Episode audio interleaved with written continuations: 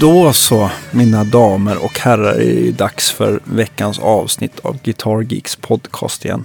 Och eh, nu har som vanligt med er Andreas Rydman och jag Daniel Cordelius. Och idag har vi med oss en vän till dig Andreas Rydman, Ja. är det inte så? Precis. Göran Eriksson, välkommen. Tusen tack. Mycket trevligt att du är här. Ja, vilken glädje. Ja, Ja. totalt. Hur, hur känner ni varandra? Jag, jag har ju, vi har ju krockat någon gång. Vi har stött ihop ja, på lite här Deluxe och, Men eh, annars så, ja. Jag känner till dig alldeles för lite känner jag, Ja. med, med mössan i Jag, hand. jag tror att eh, vi har en massa gemensamma kompisar tror jag. Ja, Kanske Micke Berg är den första jag så kan det tänka vara. på. Ja, just det. Nu går vi way back här. Mm, Vem är. Micke Berg då? För, för folk Han som och, inte... och Göran spelade med Gill för över tio år sedan är det Ja. i, i är, dagsläget. det, är det Gill, Gill, Ja. Gill Jonsson helt enkelt? Precis. Aha. Och ni kanske spelade ihop innan det också, det vet jag faktiskt inte. Nej, nu ska vi tänka efter.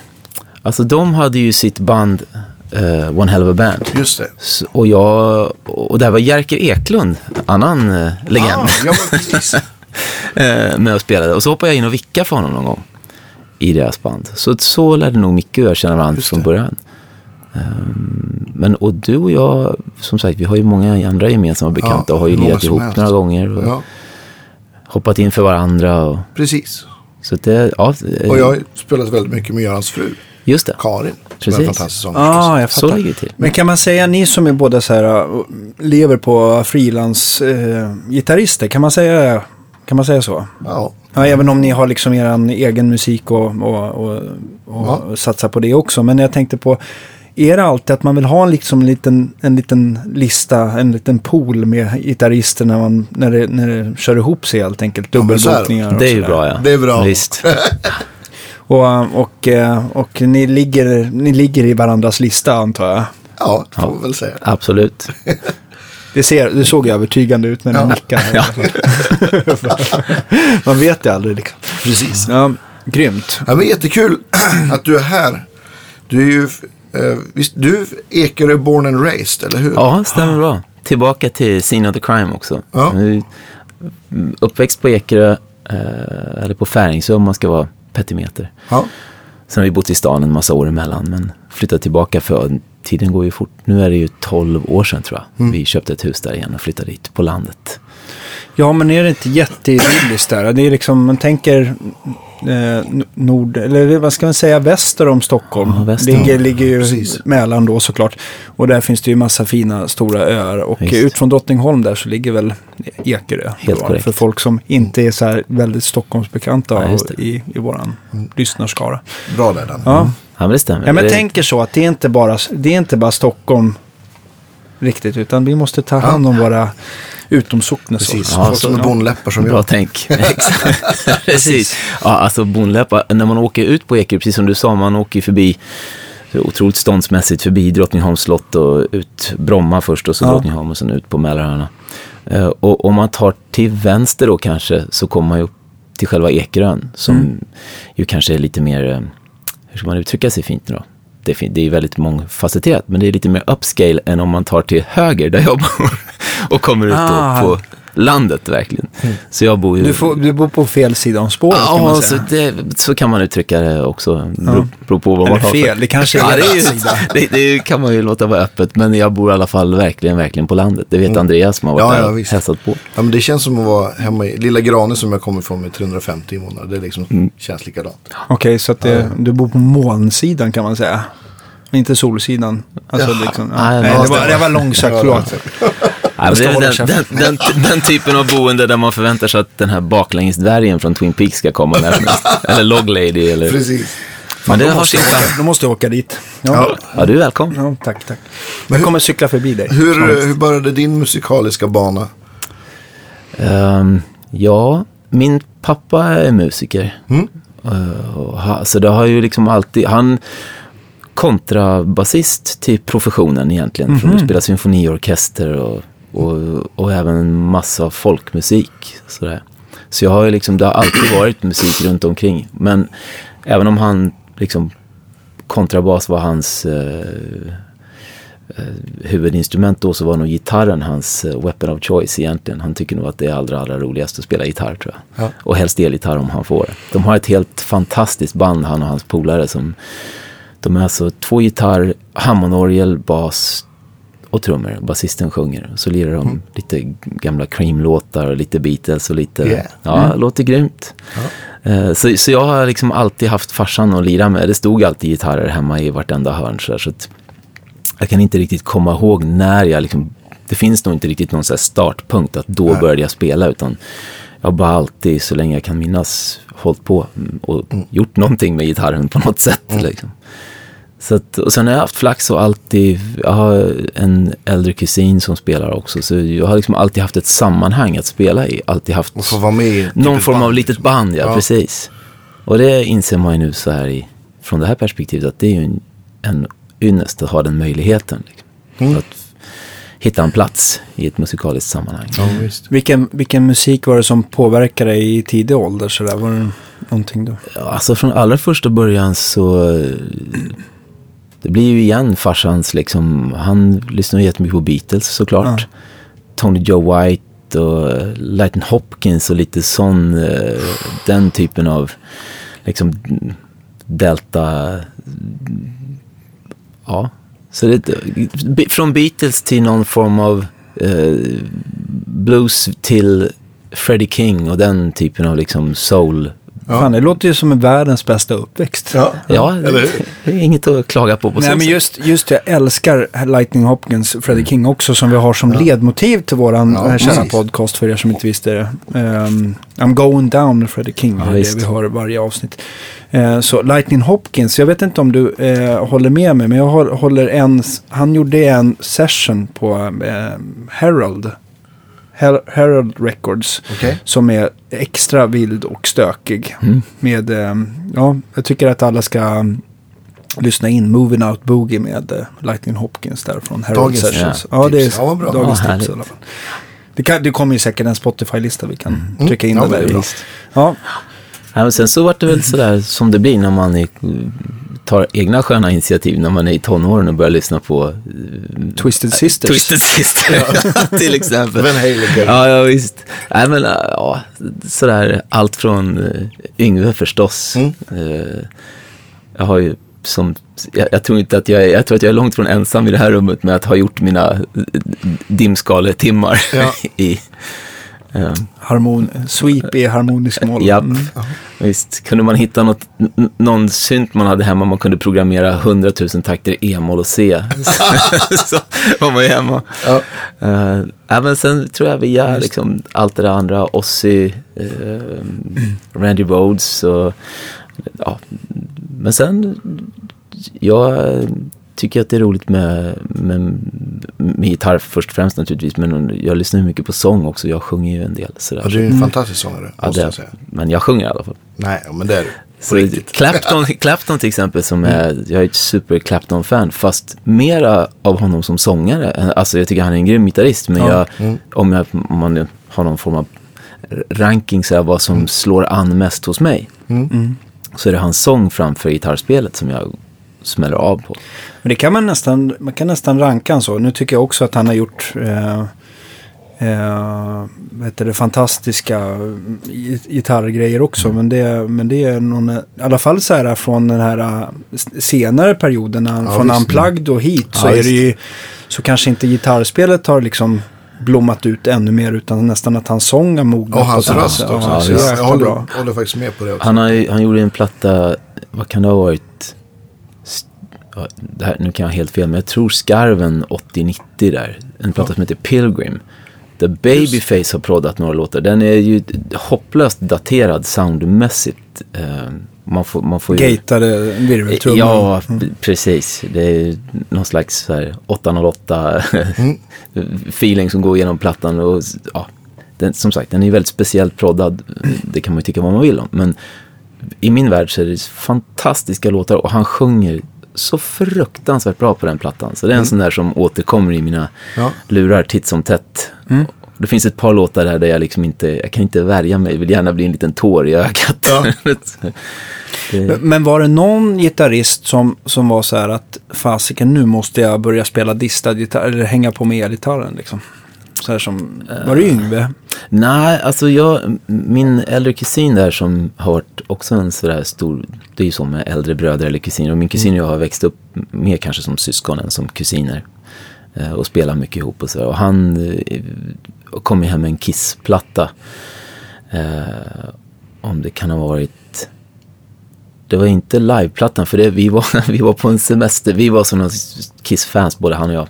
Så okay. Ace Frehley, för att svara på frågan, Ace Frehley var nog den som här, fick mig att tänka att sådär skulle man ju lira. Just det. På det sättet liksom. Ja. Men eh, och, och äh, vi, var på en, vi var på en semesterresa han och jag ihop och fick gå in i en vinylaffär tillsammans och fick pengar av min farfar att köpa varsin platta. Vi fick välja vad vi ville. Så då hittade vi båda Kiss Alive-plattorna, både ettan och tvåan. Så de, de gick varma. Sen, köpte ni varsin? Vi köpte varsin. Perfekt. Så jag köpte ettan och han köpte tvåan. Eh, så hade vi dem som uppvärmning inför varje, man ska gå till replokalen så här. Ja. Och dina föräldrar slet sitt hår bara? Ja, ja det gick ganska bra. det, det, det, var, det, var, det var nog kanske värre tror jag när vi lyckades lura farsan att köpa ett trumset och ställa i. Nu bodde, som sagt, jag bodde ju på Ekerö också, så vi hade liksom inga grannar att oroa oss för egentligen. Men jag vet inte, jag tror att det var en stor skopa tålamod som framförallt morsan fick oh, leverera. Herregud, alltså det tänker jag också på när man satt där hemma på pojkrummet ja, ja, och hade mm. ganska stora förstärkare. Ja. Eh, och en 412 i mitt lilla 9 kvadrat sovrum där som man brände på så att det gjorde ont i öronen. Fy fan vad det måste ha låtit. Alltså. Ja, jag kan, jag kan föreställa mig mitt första trumset som vi hade ihop, min kusin och jag, det var något hopplöst hopplock av du vet, en virvel från någonting, en hängpuka från någonting ja. annat. Och, ja, och sen hade vi ingen gitarrförstärkare utan min farsa hade en gammal rullbandare eh, som vi använde som förstärkare. Och vred man upp ordentligt så distade det ju mm. ordentligt. Ja, och sen hade vi någon form av högtalare, en bas, en 1.15 och en baslåda till någon basstärk som han hade haft någon gång i tiden. Ja. Det var gitarriggen, det lät ju supertoppen som ni förstår. Ja, men det, det, det matchar inte riktigt trumvolymen? Nej, inte helt och hållet. Nej. Men det tror jag inte bekymrade, framförallt inte trumslagaren för tillfället. Nej, det, var inte, det var inte noga. Nej, så att den, den ljudbildsmässiga upplevelsen för mamma och pappa i rummet bredvid var förmodligen av ja. skiftande kvalitet. Men det var roligt. Mina föräldrar var så söta. De, de köpte mig ett par peltorkåpor. Och så sa de, då vi är inte hemma, då får du spela hur starkt du vill, bara du har på dig de här. mm, det är bra. ja. ja. Det är bra. Men vad, vad, vad, spelade ni då? Du och kusinen, hade ni, var det Kiss liksom? Körde ni Kiss-låtar? Ja, det kan nog ha varit eller? några Kiss-låtar, men framförallt, vi gjorde mycket egna låtar. Mm. Han är en helt grym låtskrivare. Än, än idag? Än idag. Ja. Eh, så, så vi lirade nog egna låtar. Vi tyckte nog att vi hade ett band redan där och då. Mm. Så, så, så var det. Vi körde nog mest eget. Och sen så utkristalliserade det sig till, alltså nu är vi ju nere på, vad kan jag ha varit? Jag gick i ettan eller tvåan kanske. Han mm. är tre år äldre än mig. Mm. Och sen lite längre fram i skolan där så träffade vi lite andra kompisar som var, vi hittade någon, en riktig trummis som mm. faktiskt kunde spela trummor. Så då hade vi trummor, bara, trio, det har varit våran grej här. Ja. Genom. Så vi, ja, sen vi höll ihop länge. Vi liksom hade ett band, jag, min kusin och en kille som heter Jeppe. Vi hade den där lilla trion, den höll vi nog liv i tills jag var 20 tror jag, mm. mer eller mindre. Till och från sådär, med olika intensitet. Men... Och sättningen var då gitarr, bas, trummor? Ja. ja någon liten variation någonstans. Vi hade med någon på keyboard ett tag. Eller om mm. det kanske var min kusin spelade keyboard en stund och någon annan mm. spelade bas. Men eh, någon form av trio fundament var det ja. alltid. Sjöng du då också eller? Nej, det gjorde jag faktiskt inte så mycket. Det var, min, det var Thomas, min kusin, som sjöng ja. mest. Jag körade lite, men och han lirade bas och mm. spelade gitarr.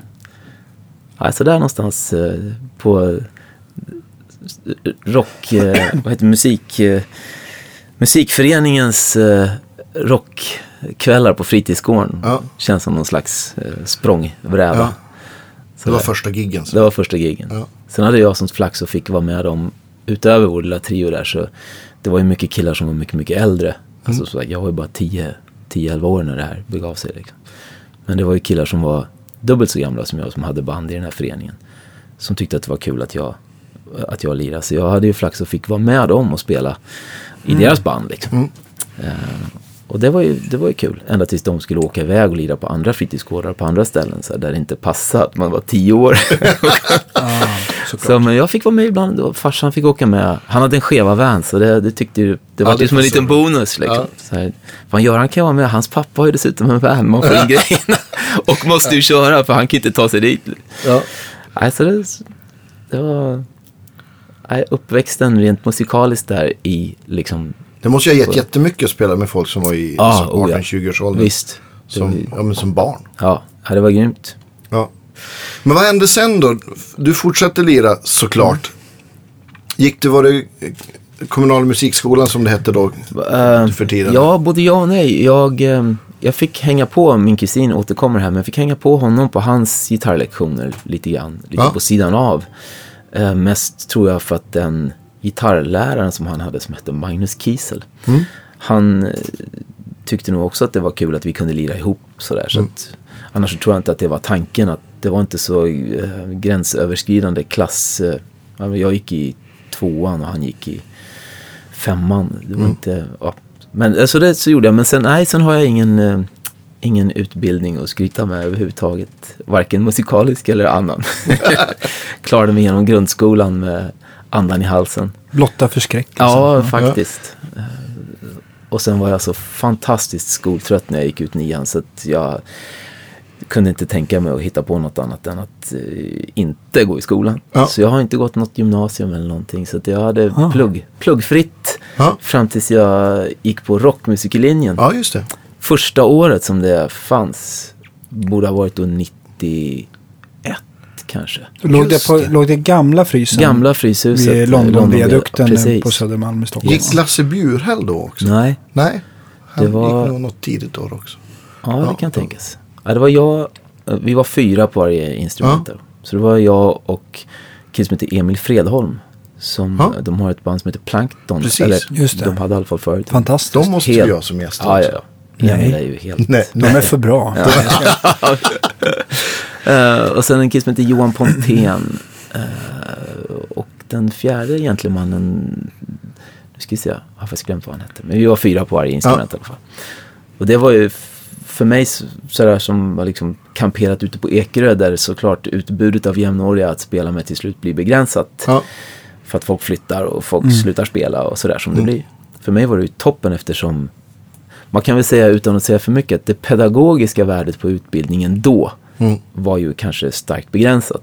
Det var, lärarna var jättebra. Jag hade Robert Öberg som gitarrlärare som är en supergrym gitarrist och väldigt, väldigt bra pedagog.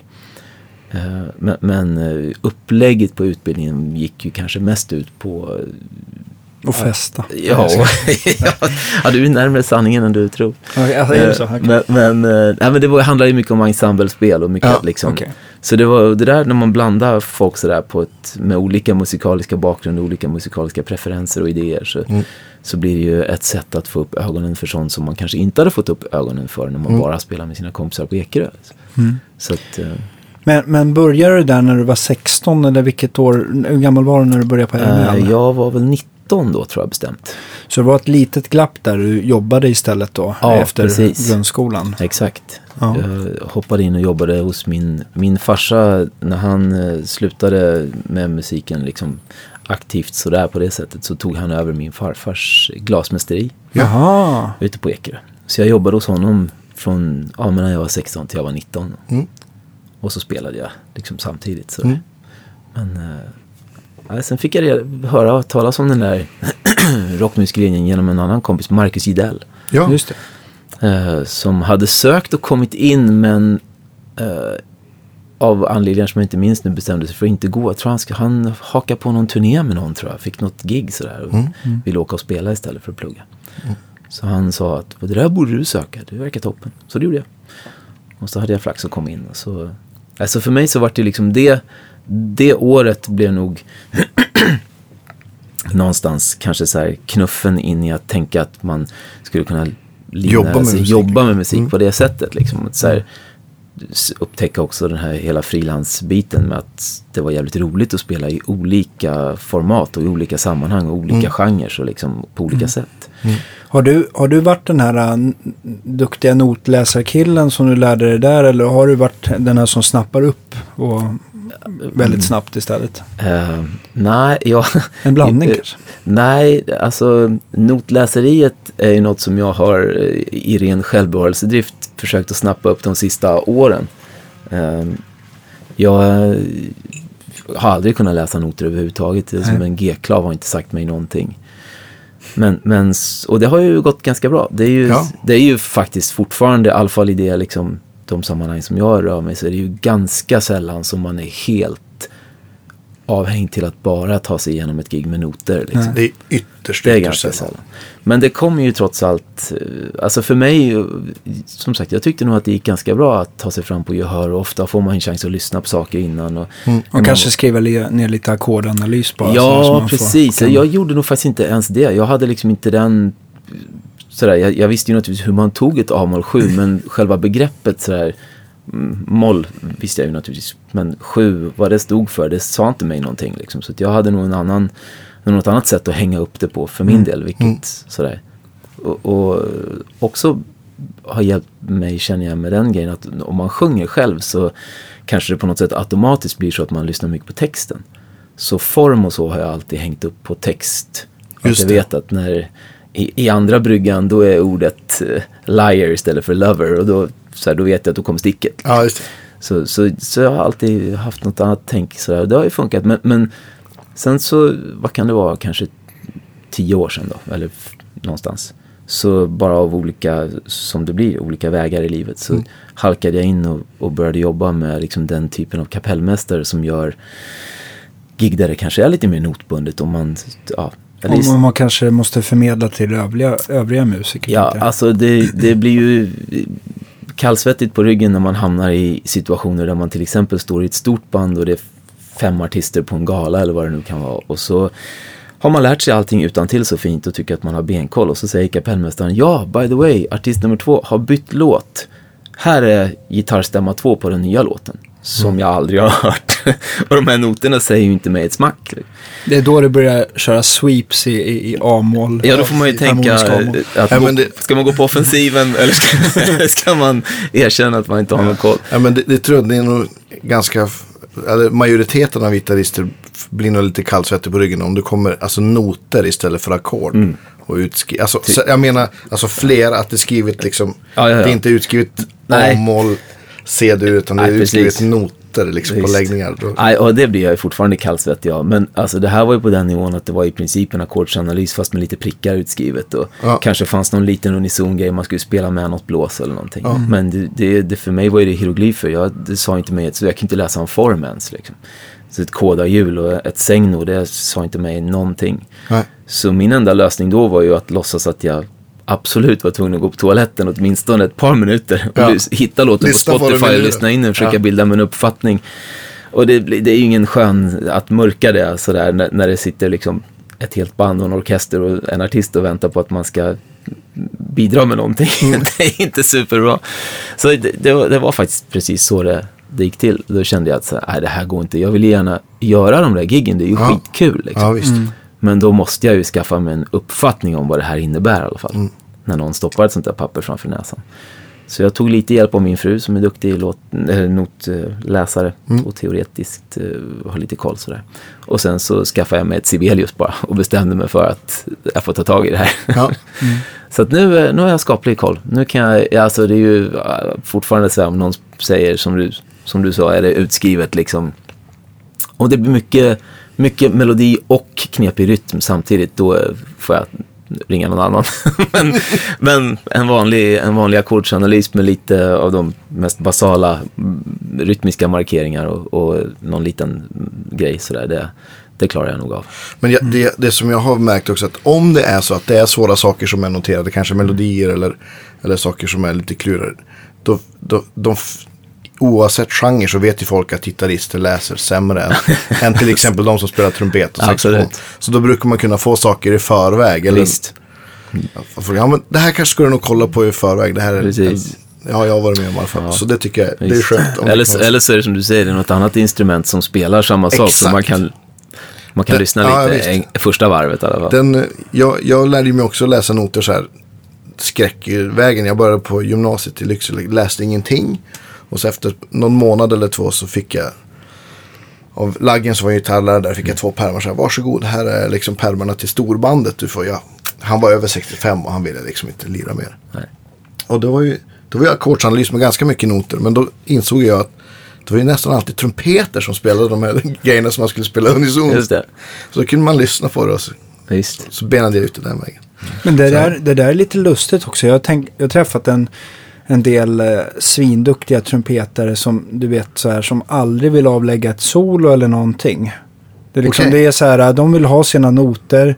De vill inte improvisera alls utan det ska liksom, de kör noterna och sen så bara nej men jag vill inte ha några solon, kör du liksom. Eller någon annan får ta det liksom sådär. Så att det känns som att de kommer liksom från ett helt annat Om det, om det är infallsvinkel. folk som kommer liksom från den klassiska skolan då är det ju verkligen så. Ja. Då är det, ju- det är ju, eller det, ofta kan det ju vara så att de kanske inte vill improvisera. Eller så. Ja, men har ni träffat någon, eh, um, någon som har så bra gehör så att han kan bara höra melodin och exakt spela det efteråt? Eller? Ja, jag, jag, Alltså, jag kommer man- tänka på en, en eh, kompis sax, eller du vet såhär, några såhär saxofonistpolare. De här som bara spelar melodier. De är ju sjukt vassa på det alltså. Ja. Typ såhär Björn Dahlberg eller? Ja men precis, Björn eller Jonas Knutsson eller ja det finns ju många som helst. Eller Ruskträsk eller. Ja. Men. Ja men, ja men riktigt bra blåsare är ju, de är ju såna otroliga S på. På det där oftast. Annars, annars jag vet inte. Gehörsmässigt finns säkert jättemånga gitarrister som är as Ja, ja. vassa liksom. Visst. Jag kommer inte på någon så här på rak arm. Nej men alltså jag har bara tänkt så här, det var någon, jag vet inte om jag läste i någon Guitar Player för hundra år sedan att liksom bara, men om du ska kunna, du ska kunna spela det, utveckla ditt gehör, jag menar du kan ju vissla en melodi, då borde du kunna spela den också liksom sådär. Men jag har i alla fall aldrig kommit Men så det långt. det är ju en jättebra gehör, gehörsövning. Bara, tänka på vad som helst. Du ska Mm. inte tro det blir sommar. Så bara plocka upp en gitarr. och Så bara ta en ton på random och spela melodin därifrån. Eller Mm. ta vilken låt som helst. Vem kan segla förutom vind? Eller. Ja. Så det, ja, dagens Ja, gehörsövning. bra. Fick ja. ni in lite Bamse. pedagogik Ja, också. precis. är toppen. Ja, Bamse, ja, men vad som helst. Bra, det ska vi kolla Men, på. men rockmusiklinjen, var det, kan man säga att det var liksom en språngbräda in i yrkeslivet för dig på något vis? Ja, men lite kanske. Robban var ju väldigt schysst där också, gitarrläraren. Och hjälpte till. Och jag hoppade in och vickade lite i något band som han hade. Ja. Något bröllopsgig eller fest eller vad det nu var. Liksom. Och så lärde man känna någon där och sen så, ja. Sen satte vi ihop ett, eh, vi hade ett, eh, ett soulband. Eh, nu dyker min kusin upp igen. Han, han gick nämligen på Münchenbryggeriet samtidigt som jag gick på rockmusiklinjen. Så vi eh, kors... Ja, de hade SMK hette Ja, de, precis. Det. det. Mm. kan det ha hetat kanske. Eller om det hette rockmusiklinjen där också. Jaha, i någon okej. slags vild konkurrens. Ja, okej. ah, Ja, ja, det som låg liksom över Rytmus där. Ja, just det. Eller Precis. samma hus typ. Eh, ja, Mm. Just det. hur som helst. Så vi, vi, vi satte ihop ett, eh, ett soulband där och eh, lirade en massa ihop. Mm. Och sen så eh, vi gjorde några, något gig någonstans och så var det någon som hörde när vi lirade så vart det det där bandet kom in och kompa någon artist någonstans i något sammanhang och sen så ja, åkte vi på någon, vi, det bandet, det var väl kanske min första riktiga turné i någon form av arrangerat format. Det där soulbandet, eller delar av det i alla fall, åkte på turné med Latricia McNeil. Just Alltså, det. nu är vi ju 1993 kanske, Mm, 94. eh, när hon hade sina hits. just det. Så vi turnerade ganska eh, vitt och brett i mycket i, Europa. Hon, var, hon hade ju en jättehit. ja, eh, My Side of Town hette den ena och den andra hette eh, som nog var en eh, Ain't That Just The Way tror jag. Just det. Och sen hade hon lite andra låtar som förde en mer tynande tillvaro på hitlistorna. Men, men eh, nej, så, så, eh, ja, så kom vi liksom in och började jobba med produktionsbolagen och så, den vägen. Vilka var med i det bandet då? Det var jag och så var det Putte Järling som Ja. spelar bas. Som, Som hänger känner. med än? Ja, som hänger med än. Ja. En av mina äldsta, bästa kompisar.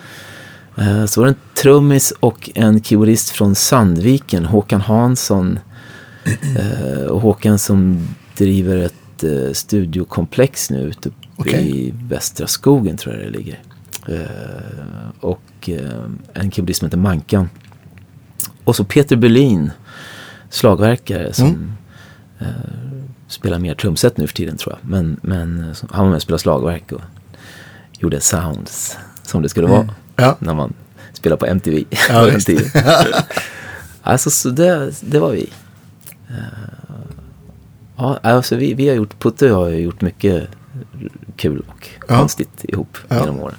Och nu är ju Putte med i, när, när jag satte ihop band till Jill Johnson här för tio år sedan. Mm. Ja, Så- ni har en, en typ av tioårsjubileumsturné. Ja, vi har tioårsjubileum i år ja, med en liten, liten turné på tio gig Ja. eh, i, eh, i augusti här. Så då. Då ringde och Putte och... Vet du vilka städer ni kommer till så här på in, nej, inte på rak arm, men det är hit och dit. Hit och dit. Ja, det är Uppsala, Umeå, ja det är både norrut och söderut och lite i mitten. Någonting, ja precis. Något i Stockholm kanske? Eh, nej, jag tror att Uppsala är det närmsta faktiskt. Aha, okej. Vart spelar ni då? Eh, ja du. Ja, du. Parksnäckan Nej, kanske? det tror jag inte. kanske för lite. Ja, jag tror, det, här är, det här är dessutom lite mer sådär eh, slottsparks, eh, alltså typ tanken är att familjerna ska ta med sig en picknickfilt och Ja, sätta det. sig i gräset. Och, så att, nej, det är nog, det är nog mm, lite större ställen än så tror jag.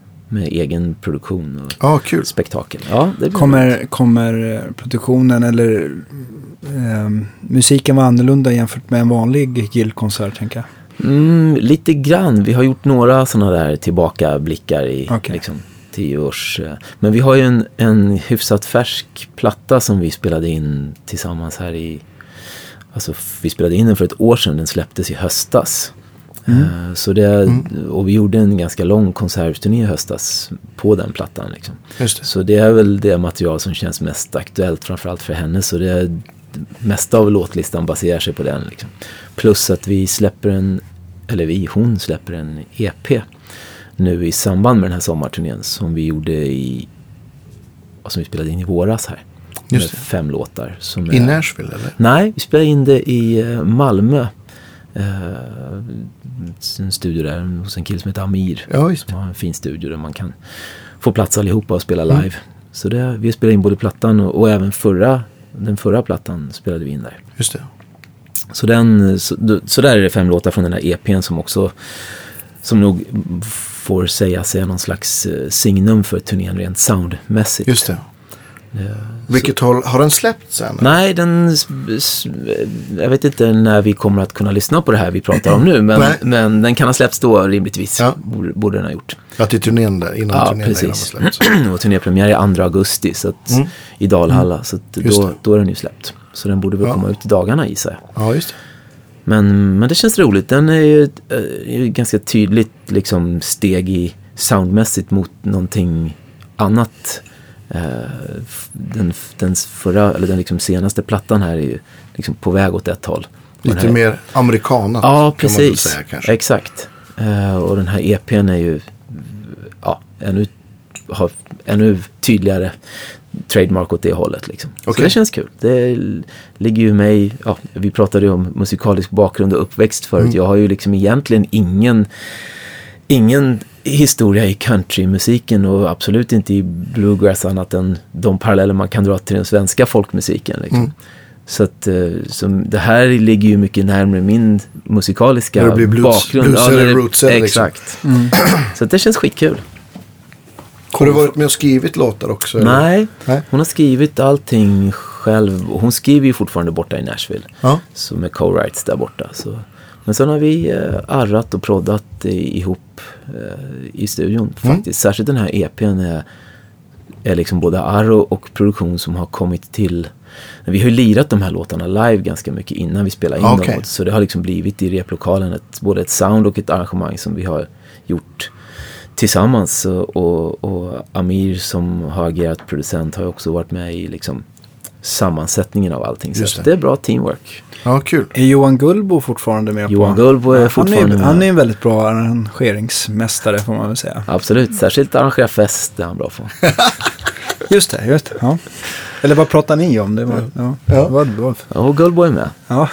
Härligt. Ja, visst. En glad Mycket. En glad filur. Ja, Ja, alltså det är trumslagare Jonas Lidholm. Utmärkt batterist och Ja, även väldigt, väldigt duktig sångare. ja, Otroligt bra tillgång. Mm. Att ha en trummis som kan köra bra. ja, ja visst. Så, och så Roger Gustafsson, gotlänningen, som Ja. spelar pedalstil och banjo och lite Allt i allo. allt i allo. Ja, precis. Så det, ja, det är ett skönt gäng. Vi, det, det finns väl eh, orsaker annat än de musikaliska till att vi har hängt ihop i tio år. Ja, det måste väl ändå säga att det är väl inte jättevanligt att en artist behåller samma band i tio år. Nej, hon fattar väl inte bättre. Nej, nej, det är inte så jag menar. Men, men ofta så, så byts det ut folk. Ja, ja, Kanske ibland utan någon anledning Visst. mer än att... Nej men så, så är det ju. Och, jag menar, det är ju också så det är inte säkert att Alltså, alltså dels kanske artister känner att man vill förnya sig om man inte... Gör ett nytt och- sound, absolut. Ja, precis. ja, ja, visst. och sen kan det vara även från musikernas håll att, eh, jag menar, vi är ju frilans allihopa i det där gänget. Även om vi har hängt ihop i tio år så, så beror det ju på att vi har försökt att prioritera det där gigget för att vi tycker att det är kul att lira ihop. Liksom. Mm.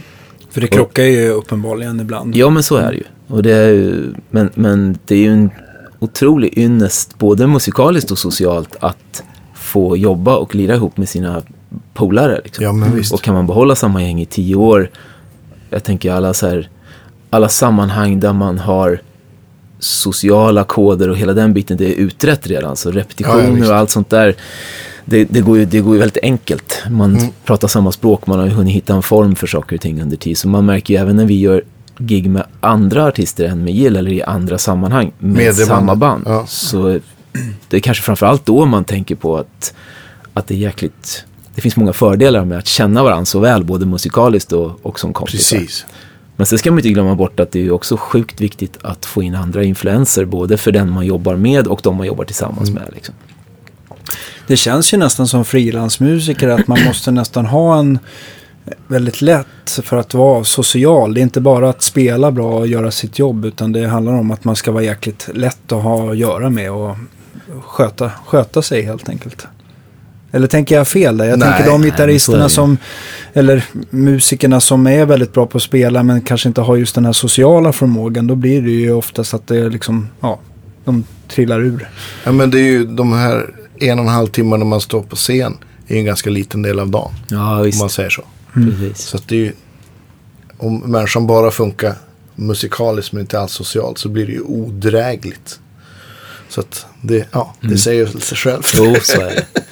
Men sen tycker jag också att, det, att spela musik tillsammans, om man ska våga, det handlar ju om att våga ge sig hän också. Och Exakt. att vara liksom kreativ och så här, man, på ett plan så blir det ju, man, man blottar sig ju om man liksom ska våga spela från hjärtat så här. Så, och det kan man ju inte göra om man inte är bekväm med de som är runt omkring. Exakt. Det, är det finns ju en anledning till att de, till exempel de bästa producenterna är folk som är väldigt duktiga på att få de som ska spela att känna sig bekväma och känna sig som att de är världens bästa. Ja, men visst. Och har man människor runt omkring sig i ett sånt här sammanhang som utstrålar det motsatta så blir ju alla, kommer ju alla spänna sig och, och hålla tillbaka och då blir det ju inte lika bra som det skulle kunna bli. Nej. Så det är ju... Men jag tror att det är sjukt viktigt också, särskilt i ett sånt där gäng som har spelat mycket ihop, att man inte, att man inte blir för bekväm med varandra heller. Att man, Eller man tar det för givet på något vis. Nej, jag brukar tänka att, här, att man får ge lite vakt på att den, den dagen som man inte liksom triggar varandra musikaliskt, Mm. då, ska man, då ska man byta gäng direkt. Mm. Även om det låter bra när man lirar och det känns kul sådär. Så om, om inte liksom om inte basisten vill spela sitt bästa för den trummisen och Ja, inte den visst. trummisen tycker att han gillar att lyssna på gitarristen och att man vill liksom anstränga sig för varandra Mm. att det finns en, en trigger i att man spelar ihop då, då har man kanske tömt och så kan det ju vara. Man kommer till en punkt kanske där man har Ja, men det, det, det, så är det ju verkligen. Och, och jag kan också... Det något som kan, kan ge en sån in, injektion. Det är om man, om man, eh, om man har vick i ett band. Där Mm. Ja, alla, visst. Mm. alla har varit med i, säg tio år. Men säg att, eh, att eh, Micke kommer att spela trummor på tre gig. Mm. Visst. Så för det ju med sig en helt annan energi. Och Ja, det lyfter visst. liksom alla på något vis. Absolut, allting kontrarefererar ju till det andra. Så att Ja, ändrar även om man spelar så- samma låtar, det är samma Visst. artist och så. Men byter man en, en människa i, i Ja, Ja, jag så- tycker det blir extremt. Jag som for, Ja, fortfarande du- spelar ja. trio, det kan ju verkligen göra... och, och när man ska ja. stå framme som enda ja, vad ska man säga, Front. ackordinstrument och fronta och sjunga. Det blir, man, det, är, det är svårt att liksom koppla bort det liksom. Om Ja, det är någon Ja. trummis som har en helt annan touch eller basist som Ja, intonerar på ett annat sätt. Det kan vara massa Visst. saker som Mm. eh, ställer till det för Ja. en mentalt. Visst. Ja, men det kommer jag ihåg, jag såg eh, Jackson Brown senast han var här i Sverige. Och Mm. sett honom fem, sex gånger tror jag. Han har alltid haft samma band, men han hade ett nytt band. Och det var, han var så fruktansvärt bra. Han har gjort Okej. det, och det bandet hade han också gjort senaste plattan med. Och det var ett Mm. sånt, sånt lyft. Och det, det kan vara så här bra exempel på att, att det lyfte honom som artist. För att Mm. han fick, inte för att andra bandet var sämre, utan för att han fick förmodligen ny input, annan visst. input. Så det var askul att se. Absolut, ja, men det tror jag är superviktigt att man även, även i ett, kanske även ett band, så, eller Ja. ett gäng som håller ihop i alla fall, oavsett om man frilansar eller om man är ett fast band som gör någonting tillsammans, att man får annan input, att alltså kanske någon är iväg och spelar med en, en annan artist under en period, eller man hamnar i ett annat sammanhang, Mm. och så tar man med sig det in i, i, i det gamla gänget igen. Liksom. Det är ju ett, ett av sätten att utveckla någonting som ändå hänger ihop liksom, Mm. under lång period. Det är lite som att få en ny eh, bästa gitarr sådär. Ja, Så jävla roligt att öva helt plötsligt och eh, ja, man ja, men, levererar. ja men så är det. Det är ju lite så. En, en ny gitarr kan ge en ny input. Definitivt. Absolut, så är det ju. Du hade ju med två fina bebisar här. Ja. Vi pratade, vi messade lite igår jag och Göran så frågade jag, ska jag ha med någonting? Gummistövlar hade jag fått förslag. Men Ja, passet Ja, du skulle undrar jag om du passade det, var bra tyckte jag. Skulle det regna idag? Ja. ja. Visst. Ja, men för du bygger ju nämligen gitarr också. Kan vi inte prata lite Ja, om det? Det ja, ja, ja, ja. Jo, det kan vi göra. Eh, Hur kom det sig då? Du bara fick för dig att du, för att du tycker det är kul att snickra eller? ja, alltså min farsa är ju superduktig hantverkare Mm. på alla sätt och vis. Och jag kan inte, jag skulle ljuga om jag sa att jag har eh, ärvt de generna. men kanske intresset lite grann i alla fall. Så jag har alltid hållit på och, alltså, men en, en, en, en strata eller en tele eller sådär är ju väldigt tacksamma på så sätt. De är ju lätta att plocka sig. Det är ju någon form av moduluppbyggnad på själva instrumentet. Så att man kan ju, är man, tycker man att det är roligt är det ju lätt att labba med och byta en hals eller ändra på någonting. Liksom. Så jag har alltid hållit på och skruvat och fixat sådär. Och sen så fick jag feelingen för att det, det där blev liksom en hobby som utvecklade sig lite grann. Så jag tänkte att också kanske när man hittar instrument som inte riktigt svarar upp till ens förväntningar. Liksom. Mm. Tänker att det där måste ju gå att göra på ett sätt som skulle passa mig i alla fall bättre. Mm. Så, och, och genom farsan där så har jag haft tillgång till en massa fina maskiner och, och verkstad och sådär. Så, att, så jag började där och, och byggde bara till mig själv för mitt eget höga nöjes skull. Liksom. Men sen eh, spelade på någon festival någon gång så var det någon kollega som var där i något annat band och som var där och testade någon gitarr. Eh, utan att jag var där faktiskt. Okej. Fram och pratade med gitarrteknikern och sen så ringde mig och sa du, får jag prova dina gitarrer som du hade byggt här? Kan inte du bygga en till mig? Ja. Och så började det så här. Och sen har det liksom eh, snurrat iväg lite grann. Black Lake Guitars. Ja, precis. Hur kommer det sig att det blev Black Lake då? Heter... Ja, det heter Svartsjö där jag bor nämligen. Så det är inte svårare än att det är en direkt översättning av Ja. orten. Eh, och lite av uh, trät som jag har använt, eh, ja nu är det slut tyvärr, men, men kommer från min farsa bor ju ute på Adelsö ute i Mälarö, på Mälarön där också. Grannön, kan man säga Ja, så? det kan man säga. Eh, Och när han eh, rev en gammal sjöbod så hade han eh, gigantiska altiljor uppe på som låg som ett loft i en av sjöbodarna. Mm. Som visade sig vara helt perfekt. Gammalt- gammalt och torrt. gammalt och torrt och, och fint och bra. Och svensk al då, eller var det? Ja. ja. Och inte, ja, inte så tung som man hade kunnat förvänta Nej, sig. för är det inte så att svenska alen generellt är lite tyngre än den amerikanska alen? Va? Det är den. Jag vet inte vad det beror på, om den, om den växer långsammare här eller om det... Men det är den ju. Den är ju väsentligt mycket tyngre. Och vi har ju lite kallare så att det borde ju kanske Jag tror att det, det är säkert en liten annan, alltså det finns ju massa olika gransorter och mahognysorter och sådär. Så det är väl Visst. säkert en liten annan variant helt enkelt. Säkert. Jag, tänk, jag tänkte på eh, det där, jag älskar ju att hålla på och sätta ihop eh, stratter av det värsta. Man, eh, stratter och telar och sådär och, och switcha kroppar och halsar och mickar och allting. Man har ju typ lyft på varenda sten som går att lyfta på. Men ibland så slår det en att det kan vara en hals som gifter sig otroligt väl med en typ av kropp sådär. Och eh, och det behöver inte alltid vara att de lätta kropparna alltid låter mycket bättre eller de tyngre eller ja sådär. Utan det är just ibland så bara så klaffar det helt Mm. enkelt. Är det någonting som du liksom lägger märke till Ja, när du absolut. bygger? Eller har du, hittat en fram, har du hittat ett framgångsrecept att det alltid blir bra om man gör så här? Nej, alltså för det första så, så just där ligger ju otroligt mycket i själva hantverket. Hur man, hur, hur man passar in hals och kropp och hur man monterar dem och vart man... Det finns ju, det finns ju tusen fällor att gå i där som kan göra stor skillnad på liksom ett par, Okej. par millimeter hit eller dit kan ju förändra både, både klang och sustain och hela men sen är det ju väldigt intressant att se just hur, beroende på lite vad man eftersträvar, så att hur, hur kombinerar man det? Har man en väldigt lätt askkropp till exempel så kanske man kombinerar man den med en, med en, en tunn lönnhals så kommer ju gitarren ha en typ av akustisk klang. Liksom.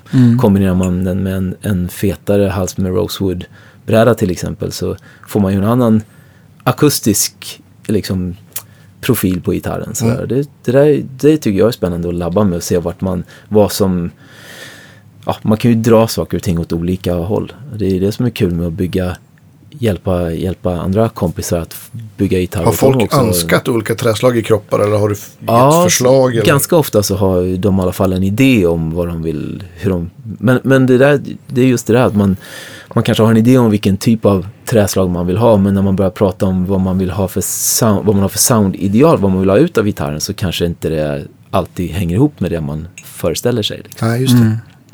Så att, ja, men så, som sagt, jag har ju började med att bygga bara åt mig själv och sen kompisar och kollegor som har hört av sig. Och sen så har det där liksom, eh, så nu har jag lite gitarrer i USA, lite här och där i Skandinavien. Och, och, och det det är inte alla, skulle det visa sig, som tycker att det där är superbra. Till exempel inte det företag som äger rätten till det här. Ah, har, har någon hört av sig? Ja, så kan man uttrycka sig. Så att, Ja, vad kul. Ja. Eller vad kul säger jag, Nej, vad det- intressant. Ja, inte ett dugg kul. Skadeglädje Nej, dig. nej, nej, absolut inte skadeglädje. Men jag tänker bara, för jag har en, en GVCG Stratta som står där, en snubbe som, han bodde i New York då.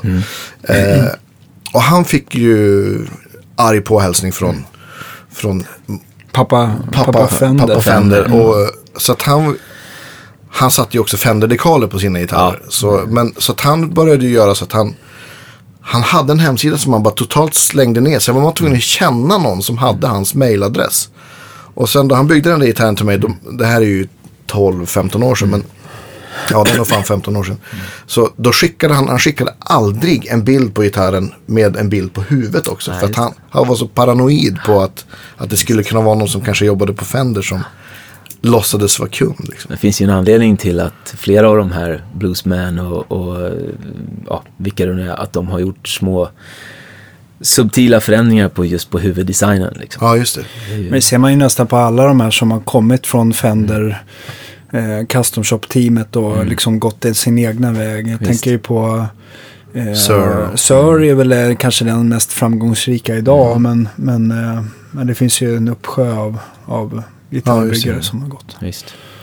Men var det, var det så här stämningshot och grejer eller? Jag, jag fick ett mail först eh, från en eh, advokatbyrå här i Sverige som, Okej. som på uppdrag då av, eh, av Fender talade om för mig att det här gillar vi inte. Eh, och, och förmodligen så är det väl så oturligt att det är nog någon av de här gitarrerna som inte finns i Sverige som har hamnat på, på bild med någon hashtag någonstans liksom. I fel Just det. sammanhang. Och, och, eh, och jag, jag, när jag såg det där mejlet tänkte jag, vad är det här för spam? så jag raderade det snabbt. Utan att läsa så här, be, see, see attached document liksom. Ja, det är som jag gör med mina räkningar. Ja, Ja, precis, det var lite samma filosofi. Men, eh, och jag var i Nashville under den här perioden eh, i, i tre månader. Och hade hyrt ut huset till en kompis från Tyskland som också höll lite koll på vår papperspost. Mm. Och som tur var då så kom ju det här brevet även i pappersformat. Och han hade öppnat det enligt instruktioner och han kunde inte läsa det för det var på svenska men han räknade det. snabbt ut att det såg viktigt ut och hörde av sig. Så att, eh, ja, men jag, jag, alltså de har ju naturligtvis rätt i sak. Det är inte meningen, och nu är inte det fallet för mig heller att, jag tänker så här, de, de här Brook och de stora liksom som har gjort, som har gjort gitarrer till Keith Urban eller vad det nu kan vara. Sådär. Det, då är man ju liksom uppe på en kommersiell typ av verksamhet där man ju på ett sätt slår mynt av någon annans design. Liksom. Ja, men visst. Och det är ju också det de vänder sig mot. Mm. Ja, men det förstår man ju. Så att det är ju inte, egentligen så är det ju helt i sin ordning. Så det är, men men ehm, nu har vi kommit till en överenskommelse hur det här ska gå till i framtiden. Eh, så Så hur, men hur ska man göra då för att hålla sig inom ramarna för hur nära kan man gå en originalstratta liksom? Alltså till att börja med så är det väl, att nu är inte jag juridiskt bevandrad på något sätt. Nej. Eh, Men, men jag gissar att så här, vill du använda liksom originaldesignen så, så kan du ju göra det om du använder till exempel licensierade delar. Sådär. Och då kan man ju köpa från till exempel Warmouth, Ja, eller... Musicraft. Ja, visst. Ja. Eller Men jag- finns all parts ens? Ja, det finns absolut. Men de, jag vill också ha Hosco. Jag tror att Hosco i Japan gör väldigt mycket åt eh, All Parts faktiskt. Okej. Eh, men det finns ju en uppsjö till. Eh, Men kruxet uppstår väl när du, när du just gör kommersiell verksamhet av det. Liksom. ja. Det är väl en sak om jag hjälper dig och, och gör en gitarr till dig för att vi är polare och det, Mm. vi gör det till självkostnadspris och ingenting. Det finns ingen affärsplan bakom det liksom. Mm.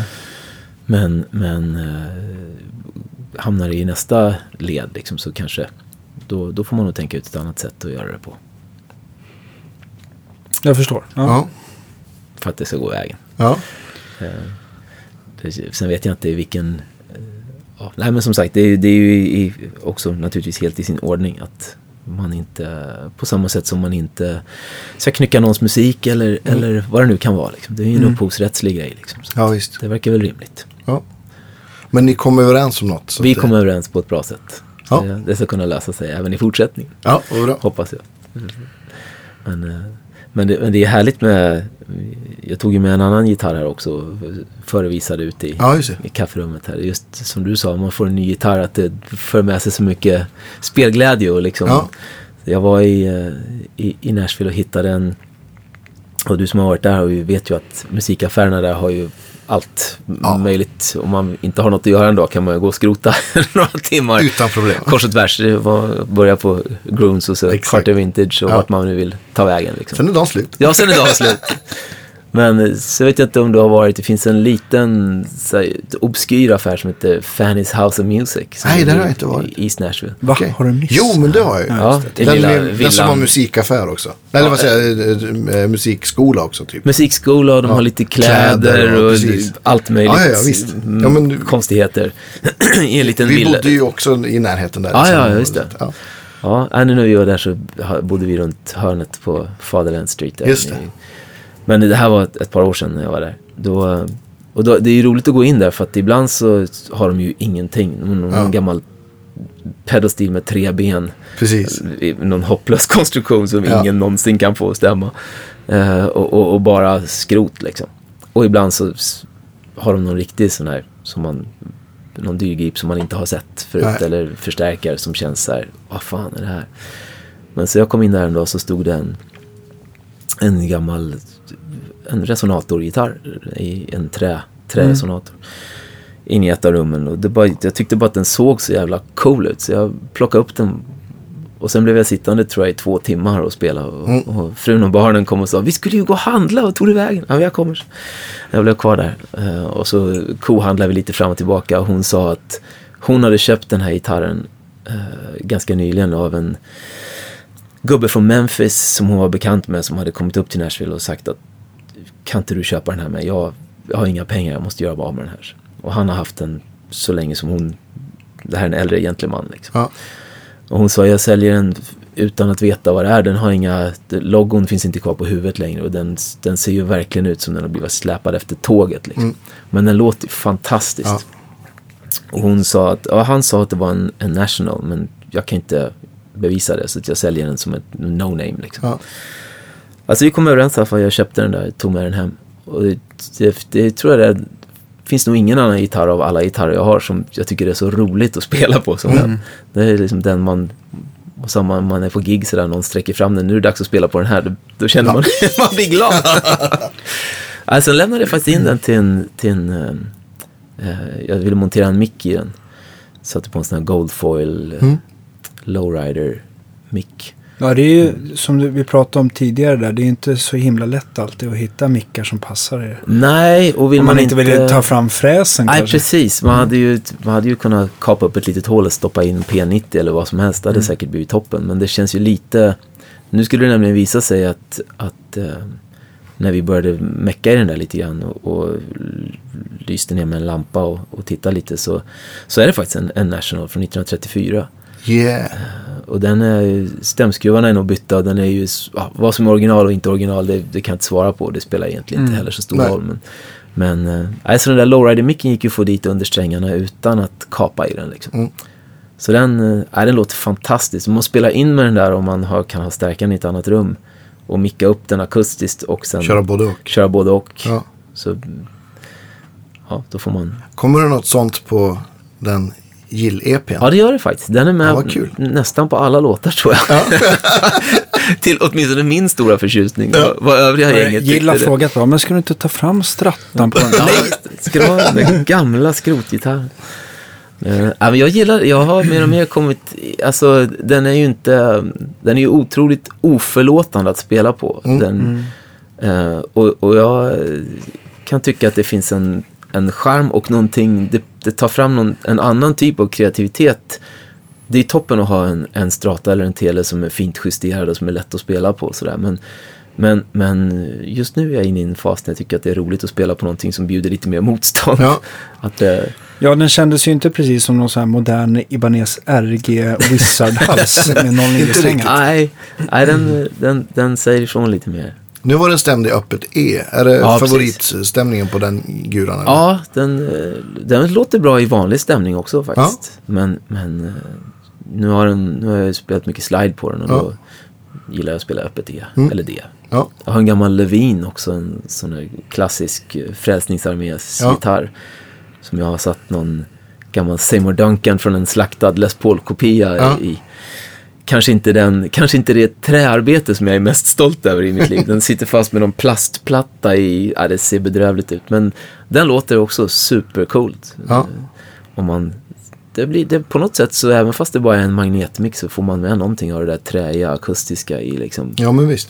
soundet. Det- det Precis, den ska väl ändå förstärka någonstans eh, gitarrens vibrationer. Så. Ja, jag har en sån jag- Levin bakom dig. Det är säkert något liknande. En av de där där. Ja, som jag har någon sån här Rare Earth på. Och jag, jag gjort, ja. gjorde det tricket. Jag spelade in, mickade den och så sen linade jag och så körde jag en stärk med tremolo och ganska mycket fjäderreverb. Ja. Och det lät som att det var två gitarrister. Ja. Det är lite, kan bli lite så här. Ja, det är superkul. Ja. Eh, Jag har ju, försöker ju, tycker det är kul överhuvudtaget att hålla på och labba när man spelar in eh, med, med olika lösningar på, mm, så här, försöka vara kreativ även där. Ja. Hitta nya, nya sounds. Jag tänkte, jag måste bara fråga eh, just där eh, eftersom man är lite nördig när det kommer till strattar och telar och sånt där. För det är mest strata-liknande och tele-liknande gitarrer du har snickrat ihop. Ja, så har det blivit. Ja. Eh, när det gäller Eh, när det gäller micktillverkare, har du korat någon vinnare där eller är det någonting som du är ständigt återkommer till när du Ja, eh, hjälper det- folk alltså- med att hitta sitt sound? det är ju säkert, jag har en som jag ständigt återkommer till. Sen finns det, kommer det säkert vara om fem år dyker upp något annat som man Jo, jo, man ändrar sig. Men är Men, men, eh, men jag har en, en, en kille i Wisconsin som heter John Gallup. Som har ett, ett mickmärke som heter Dogtown. Eh, Mm. Just det. som, som jag tycker är helt eh, oslagbar. Vad är det du gillar med just hans mikrofoner som saknas i många fall? Dynamiken, dynamiken och balansen i sätten. Liksom. Eh, med telesätten till exempel när han gör så tycker jag att eh, han är den enda som jag eh, sen kan det säkert ha med mina tillkortakommanden att göra men just den här känslan man växlar mellan halsmick och stallmick på en tele så om man ska överdriva lite så känns det som att man måste så här krana om hela pedalbordet och även stärkan för att få Absolut. ut Ja, men, ja, det är en absolut. klassiker. men det Verkligen. har jag aldrig upplevt med, med hans mixet. Det känns som att så här, man går från stallmick till halsmick så blir det ett annat sound. Men det, det finns inget, jag känner inget behov av att liksom ändra varken output eller EQ eller Mm. så det, jag tycker han är helt, och hans stratasätt just dynamiskt är liksom tycker jag är helt, helt grymt. Man vill ju få, oftast tycker jag av ett bra stratta och telesätt att man får den här, det här djupet och nästan så här 3D-känslan. Det kan ju bli så platt och komprimerat med vissa tillverkare. Men Ja, just visst. att man får det här att man nästan känner det på ett renare ljud och att nästan så här att soundet nästan hoppar ur förstärkaren eller Ja, högtalaren. Tycker jag att det blir den attacken och direktheten. Men intressant, det ska bli jätteroligt att prova de där eh, mikrofonerna. Jag är, man är ständigt på jakt efter någonting bättre, men så är det är det. inte så? Visst. Ja, eller något annorlunda. Eller något annat bara. Ja, Men sen är det ju kul att ha en, nu har ju vi liksom samarbetat lite grann ett tag sådär, den här John och jag. Så det är ju, det är ju kul att kunna mejla honom om man har någon egen tanke om vad man skulle vilja ändra på. Nu är inte jag är ju inte, inte kunnig annat än att jag hör det jag hör så att säga. Men om man kommer på någon idé att man skulle vilja, man har någon tanke om något man skulle vilja göra med en mick eller ändra i ett sätt eller något sånt där så är han alltid på hugget för att liksom speciallinda någonting. Och man kan Ja, det är kul. Ja, så vi har testat ut några varianter som jag tycker passar bra ihop med de gitarrer som jag bygger och så det som jag vill lira på. Liksom. men oftast ett problem just när det gäller Telecasters är att halsmicken blir så himla instängd jämfört med stallmicken. Mm. Stallmicken har mycket kraft och den är öppen och den har bra rivs här. Och så, så växlar man över till halsmicken så blir den oftast lite för jazzig och, och, Mm. Och snäll. Liksom. Precis. Och det blir svårt som du säger att kombinera, kombinera med utan att man vill gå fram och vrida Precis, på saker. visst. En liten, litet bov i drama tycker jag som man i alla fall kan göra med sin mick om man tycker att den är aning instängd. Det är att ofta så går det ju en vit och en svart tåt från micken. Och den svarta jordtåten som är minus på spolen går ju direkt upp på kåpan också för att jorda den. Just det. Klipper man den upp till kåpan och drar en egen kabel från kåpan till, till volympotentiometern till exempel. Så får man upp till skanten va? För att du får lägre induktans. I. Dagens modifikationstips. Ja, så att eh, börja klippa ni här där hemma. Ska vi säga. Men det gör faktiskt ganska stor skillnad. Så. Ja. Ett tips. Va, eh, vad åker du med för grejer i sommar nu då på 10-årsjubileums? Du, det blir nog, den här nationalen åker med Ja, naturligtvis i, i högsta hugg. Och den här Levinen också. Mm. Eh, sen är- blev det en Les Paul faktiskt. Ja. Eh, och jag har inte spelat så mycket Les Paul på länge. Men eh, jag har en gammal så här, Greco eh, från 73 eller 74. Som är kanske den fulaste Goldtop jag någonsin har sett. För den har någon slags grön... Ganska mörk, eller hur? Va? Ja, jag vet inte om Eller ja, nu vet jag Ja, den är inte grön. så mörk egentligen, men den har liksom någon så här pastell eh, Okej. touch i. Nej, den är, den är väldigt, väldigt ful. Är det Humbuckers eller P90 på den? Humbuckers. Mm. Eh, och nu sitter det eh, eh, från John, som jag inte kommer ihåg vad de heter just nu. Som låter superbra. Ja. Men eh, det är en bra gitarr. Det är en, en skitbra gura. Ja. Eh, så den, eh, och den fick åka med till repen här bara för att det var den som råkade vara hemma just då. Ja. Men det var roligt att spela på den, så den, den får med. Och så lite strata kanske. Men Roger är ju med just på den här turnén i alla fall och spelar ju, står liksom för Telecaster-sidan så, här, så då kan jag, kan jag ja, men göra kan andra du grejer. bredda paletten. Fylla ut lite grann. Precis. Ja. Och sen har jag en eh, förstärkare som jag är hemskt förtjust i som Just det. Bosse Östman har byggt. Eh, en topp, en 25 watts någonting, en kanal i topp. Eh, som låter superbra tycker jag. Vad heter hans förstärkarmärke? Östman, kort och gott. Ja. Och han egentligen så tror jag inte, jag tror inte han vill hålla med om att han har något förstärkarmärke. Han har inte visat sig helt villig att, eh, eh, ja, ni vet ju hur det blir, man testar någon kompis grejer som man diggar och så säger Ja. man, fan det där, får jag numret till honom kan jag? Ja, visst. Och han, eh, ja, han har ju mycket annat att göra. Han, eh, så han, jag tror inte han är skitsugen på att dra igång någon stor verksamhet. Men han är superduktig. Han är reparatör och, och bygger pedaler och grejer sådär. Så Vad är det för, för eh, typ av stärkare? Är den baserad på någon krets? Eller Ja, jag, skulle fråga honom om egentligen. Men, men eh, soundmässigt så är den ju någonstans i liksom någon, någon kombination mellan en mm, Marshall Bluesbreaker kanske och en... Den har lite av det här, så här matchless eh, soundet. Den är ganska... så på toppen och trimmer eller? fri- Mm, Ja, Svårt att säga, men jag, jag tror att han någon, någonstans har baserat den kanske på en, eh, en sån Dr. C. Okej. eh, Mm. Alltså att det är lite, heter. Då börjar jag tänka att det är lite så här brittisk box. eh, Ja. Ja, alltså den har 30 absolut fast det är nästan lite mer topp Är det, i dem. är det, vad, hur många watt sa du? 20? 20, någonstans runt 25. Ja, men då kanske det är det två el84 då kanske? Eller? Det är Är det, är 6 eller 6? Ja. Okej. Ja, för jag tror att jag tror att två 6 eller 6 där kan du ju få ut mer va? Då får du ju ut... Men den deluxe, vad är det? 56. De är väl på Det- 20? Ja, det är ju Två. 6V6 då. Va? 6 V6, okej. Och El84, nu tror jag att, eh, att eh, det finns säkert tillverkare som kan pressa ut mer ut ett sånt rör. Det Mm. påverkar ju hållbarheten. Men när det är en Blues Junior till exempel från Fender Pro Junior då sitter det ju två stycken och den levererar ju 15 watt. Just det. Mm. Det är väl, annars får man ha fler slutstegsrör. Men två Ja, just det. 6V6 är väl där mellan 20-25 skulle jag Mm. tro som är taket för dem. Men det är en enkanalstopp. Mm. Har du, är det, har den gain eller är det bara volym? Den Eller? har en, en gain och en master Ja. volym. Eh, och sen har jag kostat på mig att uh, köra ett sånt wet dry wet system. Det är Ja, det är fantastiskt trevligt. roligt. Ja.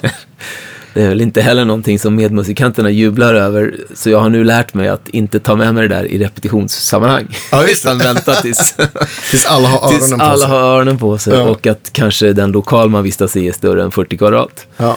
Då, ja, men det, det, där är, det där är spännande tycker jag. Att, eh, att det levererar så otroligt mycket mer dynamik och separation i, eller det är väl en självklarhet i och för sig. Men, Mm. men att det gör så otroligt stor skillnad. Att just när man får liksom stereo. Ja men det blir ju om man, om man ska snacka om att det blir mer 3D. Det, Mm. På något sätt så blir även ens...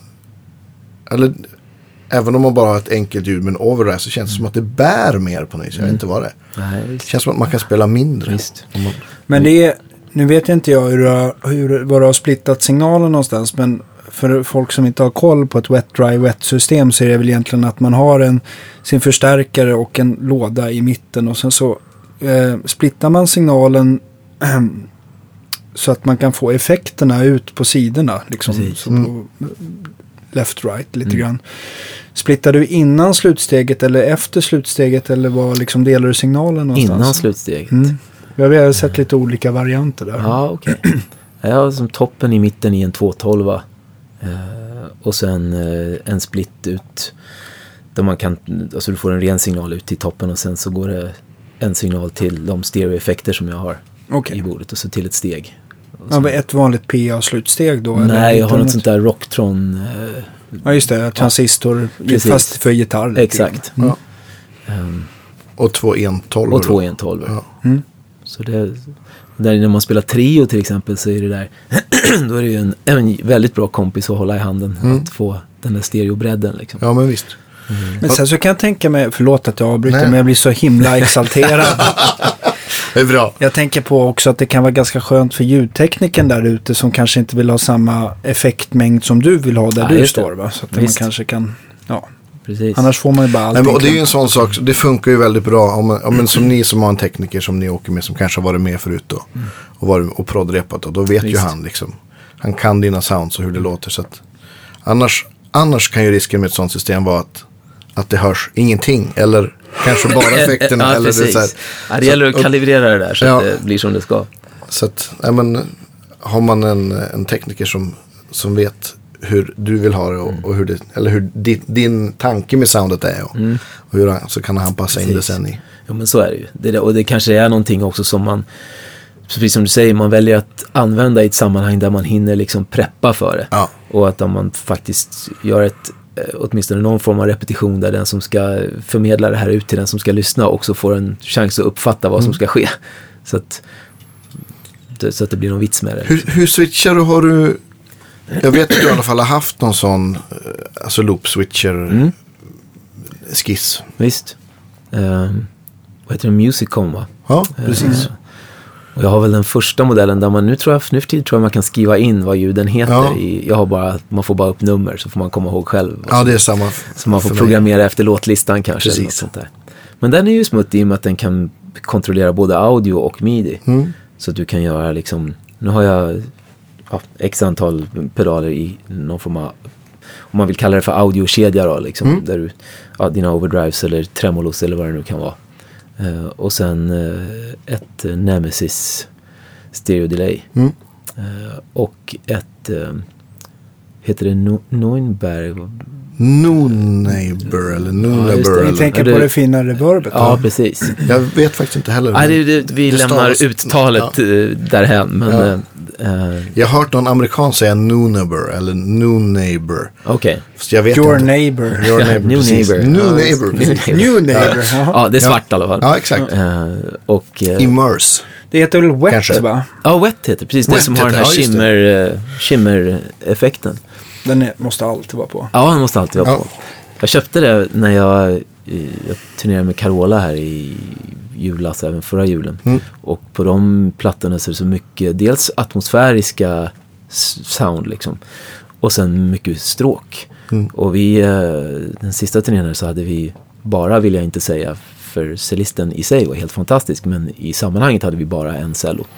Så vi höll på att labba med hur vi skulle kunna liksom Få till dem sen. få till de ljud, den ljudbilden med det breda. Så då, då spelade jag pedal steel ihop med, vi arrade ihop med cellon och pedal steel och sen använde vi den här shimmer. Mm. Det blir jättefint. Ja, man, på rätt subtil nivå så lägger det till ett, ett lager som liksom örat mest uppfattar som mera kropp på något vis. För, er- alltså för er som inte förstår vad ett shimmer-reverb är, hur ska man säga? Det är nästan så att det liksom, det är, det är en efterklang och reverb, men det är nästan så att den får lite så här synteffekt. Alltså det som lägger gjort, det är, det är pitchat på, det är alltså, eh, Brian Eno tror jag är han som, jag vet inte om han uppfann det men som gjorde det populärt. Och det är på no, vilken YouTube-platta det nu kan tänkas vara.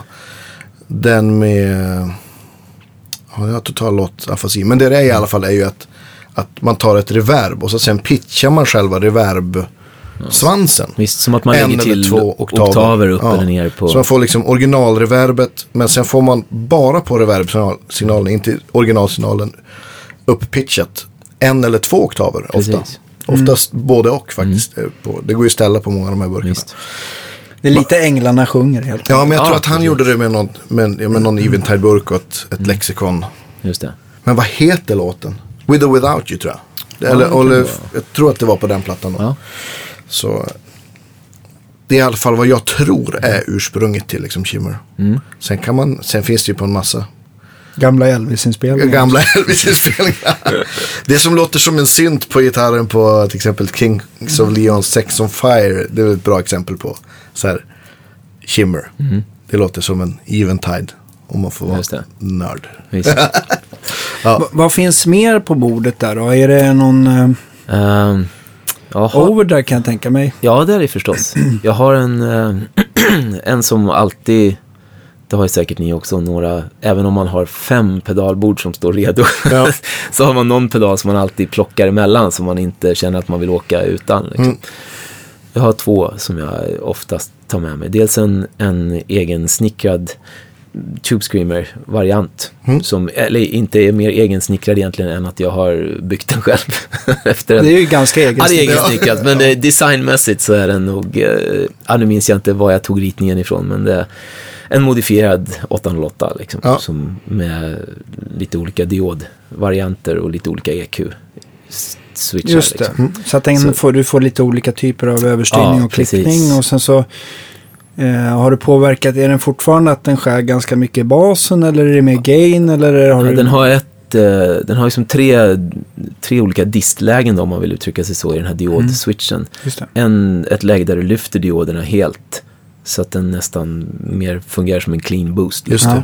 Och sen en sida med silikondioder, en sida med LED-dioder. Liksom. Mm. Och silikondioderna är ju lite mer komprimerade och sammansatta. Liksom.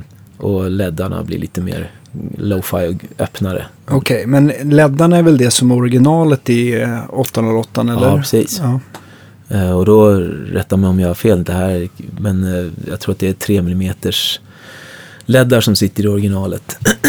och det här, på den här modden som jag har gjort så sitter, eller som jag har byggt efter, så sitter det 5 mm jag skulle gissa att skillnaden är subtil men eh, som jag har förstått det och hört det så ger ju, ju större LED ju mer dynamik liksom. Större, Ja, just större just ja. separation. Och lite mer output också. ja. Så det är den- lite högre till tak liksom. Ja, exakt så. Mm. Och, eh, och sen den här EQ-switchen är egentligen bara växlar mellan olika liksom, kapacitet eller olika capacitors heter det på engelska och det heter på svenska Kondensatorer. kondensatorer tack. Ja. Eh, som, som styr EQn enkelt förklarat. mm. Så att du, precis som du sa, i mittenläget så är den liksom standard tube screamer med, med väldigt lite low-cutten börjar väldigt tidigt. Liksom. Ja. Och sen en där du får en lite mer linjär och en där du faktiskt plussar på lite bas. Ja, alltså jag är jag har lite så här hatkärlek till Tube Screamers och alltid haft sådär. Jag tycker oftast att de låter otroligt bra i sammanhang men jag blir ganska irriterad när jag spelar på dem själv. Mm. Är det nå- någonting som har... Ja, men det... Jag, Eller är det bara jag Nej, som- jag, har jag har lite samma. Men Är det inte sådär också att man växer ihop lite Jo, grann med nog. där? Och har man, spelar man så otroligt mycket på en, på en Tube Screamer eller en OCD eller, eller Honeybee eller vad det nu kan vara så liksom det är, det är lika mycket att man ska liksom bli, vänja sig vid hur den svarar som Ja, hur visst. den låter. om man, om man lär sig spela på dem också. Precis. På Ja, och man kanske justerar sin övriga utrustning efter den där pedalen. Ja. Liksom. Jag är ju upp, det är ju också vad örat eh, förväntar sig att höra på något vis. Mm. Det var min, min första pedal som jag fick var just en, en Tube Screamer, en, en eh, TS9. Mm. Som jag fick när jag var åtta och min farsa i julklapp. Den och en stereo pedal från Ibanez. Ja, ja. Underbar kombo. Eh, spelade jag med oförställd glädje genom en Miazzi-förstärkare. Okej. Italiensk liten eh, så här, ho- hopplös transistorstärk. Eh, det lät ju förmodligen precis så som ni kan föreställa er att det lät. Också Precis som Steve Ray Vaughan. Exakt, i mina öron gjorde det. Ja. På min postordergitarr som jag fick av min farmor för att jag blev så hysteriskt besviken när min kusin fick en, strat, en Tokai Strata-kopia Ja. i julklapp året innan. Och jag fick ingen elgitarr. Nej. Fastän jag tyckte av, av oss två var det ju jag som var gitarristen. Och Ja. är klart att jag skulle ha en Strata, Ja. åtminstone en Les Paul som Ace Frehley. Ja. Men det fick jag inte. Så då, då kände farmor starka sympatier så hon köpte en eh, på riktigt från Ellos tror jag. Okej. Eller någon sånt, en Ja. planka liksom. med- Ja. Som jag inte har kvar tyvärr längre.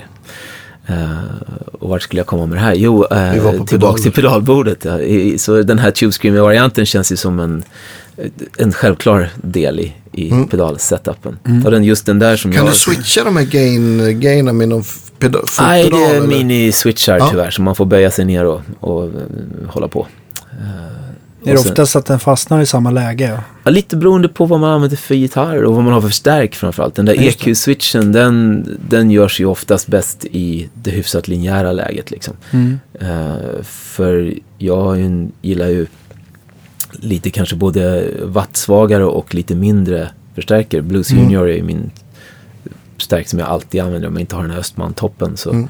spelar jag nästan alltid på den. En ja, enkelt moddad Mm. eh, Blues Junior. Och den, petar man in för mycket bas i den så Kräks blir inte det alldeles gynnsamt alla gånger. Så den låter bäst i det här läget. Och sen är den där ihopbyggd med en, en clean boost bara som eh, på en egen switch liksom. Och så kan man byta ordning på den och det är lite fiffigt. Man kan välja med switchen på pedalen vilken du vill ha före eller efter. Om du vill ha tube screamen innan boosten eller efter boosten. Jag kan tycka att, att ha en booster innan Tube Screamer inte alltid blir så här. Om man, om man verkligen gasar in max in i en Tube Screamer så separerar den lite konstigt. Men det kan vara otroligt fiffigt då om man framförallt by, byter mellan eh, tänker jag säga en Strata eller en Les Paul. Att man måste bara så här snabbt kunna korrigera Precis. gain- gain-mängden. Mm. Tänker jag. Men det, ja. Just i det här fallet så är det också om du, om du spelar på diodsidan som har lite mer headroom så klarar den lite mer push in. Precis. liksom. Just Så just då, då, då får man kvar lite dynamik Ja. om man nu vill ha lite mer high gain sound men ändå. Ändå ha någon form av dynamik kvar så funkar det ganska bra. Mm. Plus att den är ju, är den i efterläget så om man har andra overdrive-puckar innan så är det ju en bra solo boost Just det. funktion bara. Just det. Så det är en, bra liten multipedal det där med Mm. i ett. Så den hänger alltid med och sen så finns det, ni är säkert bekanta med en gentleman som heter Lars Wallin som inte alls har med kläder att göra utan Nej. som också är förstärkar meck och, och lagar pedaler och allt möjligt. Ute i Långbro håller han till. Okej, jag känner faktiskt Nej, inte. är helt... oerhört kunnig och Ja, intressant. duktig kille. Ja. Eh, och han har byggt en, en, också en liten clean boost som är ja, prototypaktigt, knappt sitter ihop, men, men som låter fantastiskt, som bara alltid är på. Så, Mm. så den, de där två pedalerna flyttar jag alltid med mig, brukar det bli, om, Mm. om man har tid. Men är det en sån clean boost? För att det finns ju vissa clean boost som man nästan inte kan liksom ta på vad de gör. Men de gör någonting trevligt. De bara liksom, skimmer eller eller något. något så här, någon karaktär. Ja, den har ju någon karaktär absolut, utan att liksom påverka för mycket. Den, den bara, den ger lite mer liksom, eh, ska man säga, den ger, ger lite mer närhet, lite mer liksom, eh, ja, kropp till alltihop på något sätt. Mm. Jag kan tänka mig att den är lite så här, då börjar jag tänka på den här EP-boosten av Exotic som är ganska det. populär där Det är väldigt populära alltid på pedal också.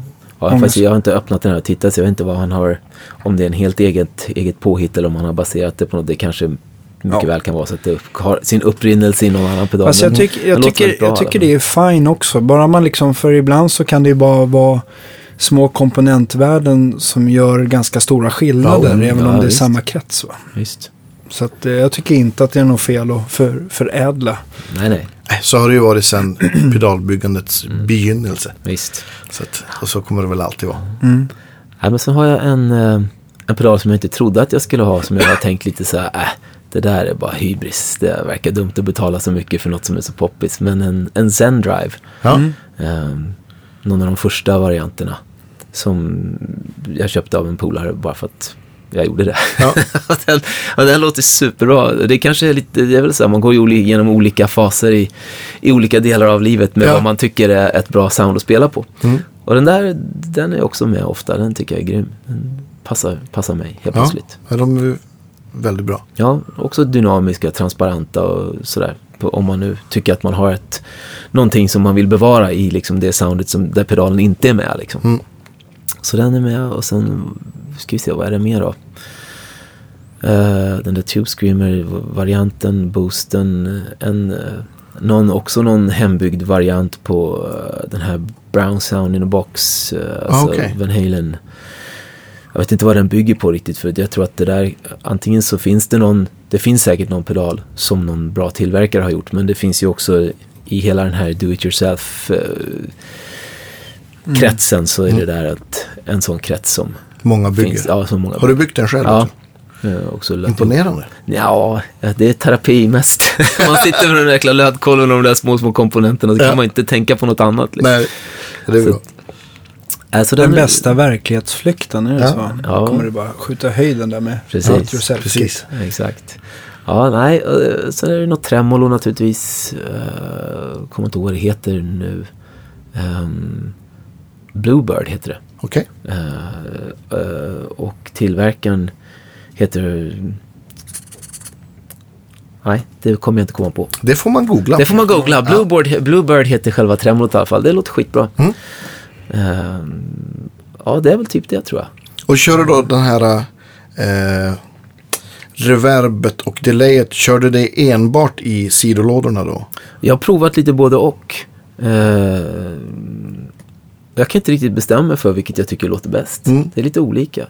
Men jag har, oftast har det nog blivit så att det har skvallrat över även i centerlådan. Liksom. Mm. Ehm, men enligt konstens alla regler så ska man väl egentligen separera. Tanken är väl att man ska ha ut Ja, de och effekterna. fel. Nej, det gör det ju turligt nog inte. Nej. Men, äh, nej, men det, Det är också den här illusionen om att, man, att ljudteknikern tror att han har ett val. Som jag tycker är kul. Precis. Ja. Ja. Nej, men det låter som en väldigt bra genomtänkt setup. Men om Ja, du får... verkligen. Alltså är det ju, för, förlåt, så är det ju naturligtvis en Octafuzz med också. Ja. Eh, också något eh, hoplött. Det- är nog en Tycho Brahe Klon. klon. Ja. Eh, och den ligger före Tube Screamen för den behöver något som håller ihop den i andra änden om den ska bli hanterbar. Liksom. Ja. Och den eh, saknar, den har ingen switch att man kan lyfta oktavsidan.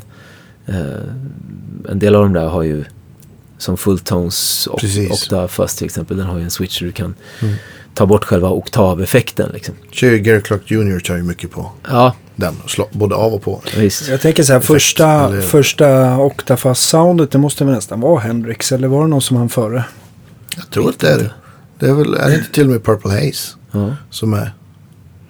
Man känner så här att soundet blir jävligt bärande men otroligt smalt. Och det är nästan så att det liksom hela tonen åker upp en oktav. Ja, ja det är coolt. distat sound, det är jävligt coolt. För er som inte vet vad en oktafas är. Ja, men precis. Jag försöker tänka på någon annan bra låt som har oktavfus.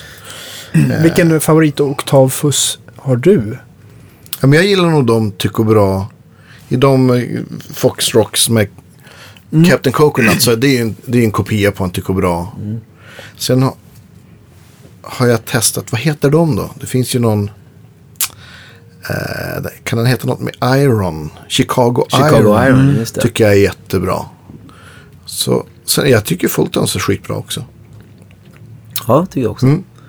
Den låter, jag köpte en sån till, till det andra bordet. För Ja. att ha liksom, den, eh, den här eh, Tycho Brahe har kanske, li, den är kanske lite eh, mindre muddig om man säger så. Alltså, i, i, sin, liksom, I sin fuzz-karaktär. Mm. Eh, bortsett från oktavdelen så är den kanske lite, något öppnare. Så. Det, det är ju, det, men det är, jag, tycker, det, jag diggar när den där åker på även när man ska spela ackord. Liksom Ja, det tycker jag också. och Det är ascoolt. till den här nationalgitarren med, med, med den här Goldfoil-micken i så, så det låter helt vansinnigt men Ja, det låter väldigt coolt. det, så den, den, den är ofta med. Tycker oktavfuss kan vara kul också om man gör gig där man ska så här, låtsas vara en synt. Ja, just. Så en så här, oktavfuss och så spelar man kanske långt ner och så med någon facer kanske eller Visst. något sånt där så kan man, kan man vara med och leka synt. Precis. Sådana slingor. Alltså, nu har jag använt en del av den där, det där loop switch-systemet till att vara den akustiska sidan av, Ah, okej. av samma bord så att säga. Eh, eftersom jag ofta lirar Acke-gura också. Mm.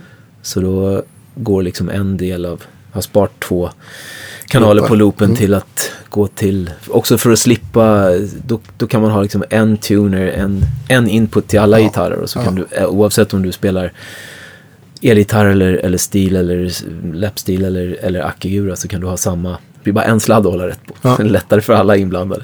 Och då, du kör mycket magnetmick på Akigura? va? Ja, jag har fastnat för de här Fishman Rare Earth. Mm. Och framförallt för en modell som inte finns längre tyvärr, den som heter eh, Gold Blend. Med micken också? Med micken och den skillnaden mot, de gör den där fortfarande men nu sitter kondensatormicken bara, den sitter fast monterad inne i ljudhålet liksom. På de som jag har så kan du sätta dem utifrån. Exakt. Precis som när du mickar i studion. Liksom. Ja. Jag har tre eller fyra sådana där eh, som jag har använt jämt ända sedan de kom. Mm. Men eh, två av dem har den där lilla flexi-armen med kondensatorn har gått sönder. Eh, så jag kontaktade, jag har faktiskt en kompis som jobbade på Fishman förut. Okej. Eh, så jag mejlade honom och, och frågade om man kunde köpa reservdelar till de där. För att, men, men det kunde man inte. Och jag lyckades till och med lura honom att gå ner på centrallagret och titta Okej. om de hade några kvar. Så om du har några, jag köper alla du har. Ja. Men det fanns inga. Och de har lagt ner tillverkningen för att den Undrar blev om den var för dyr? Ja, ja precis. för- Och sålde för dåligt kan jag tänka mig. Men den är grym tycker jag. Mm. Och just om man, jag som gör ganska mycket gig eh, med bara gitarr och sång. Mm. Både ihop med min fru i vår lilla duo där. Mm. Och eh, även med andra artister. Så man spelar ensam ackompanjgitarr. Liksom, Precis. så är det ju fantastiskt bra att kunna blända in den där. Det blir en helt annan kropp och en helt annan, Mm. mycket naturligare jag tycker kombinationen mellan den där magnetmicken och kondensatormicken är ju oslagbar eftersom du kan blända bort kondensatorn om du är i ett sammanhang där, där du har helt band. Liksom. Mm. Och magnetmicken är väldigt okänslig för feedback. Eller för, Precis. Just det. Du kan ju stå på rejält så att du kan matcha volymmässigt kan matcha ett, ett helt band liksom, Mm. utan att få några stora rundgångsproblem. Och sådär.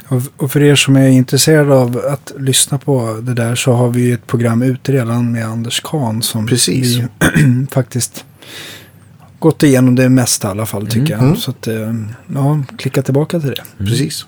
Kanske, jag vet inte vad Anders sa, men min eh, känsla är ju att kombinationen den här Fishman Rare Earth-micken och Eller Bags Paracoustic Preamp är Mm. det bästa Ja. som jag har hittat. Har du den preampen i loopen då på ditt bord eller? Ja, precis. Och så går den, den har ju en XLR ut och en line ut. Just det.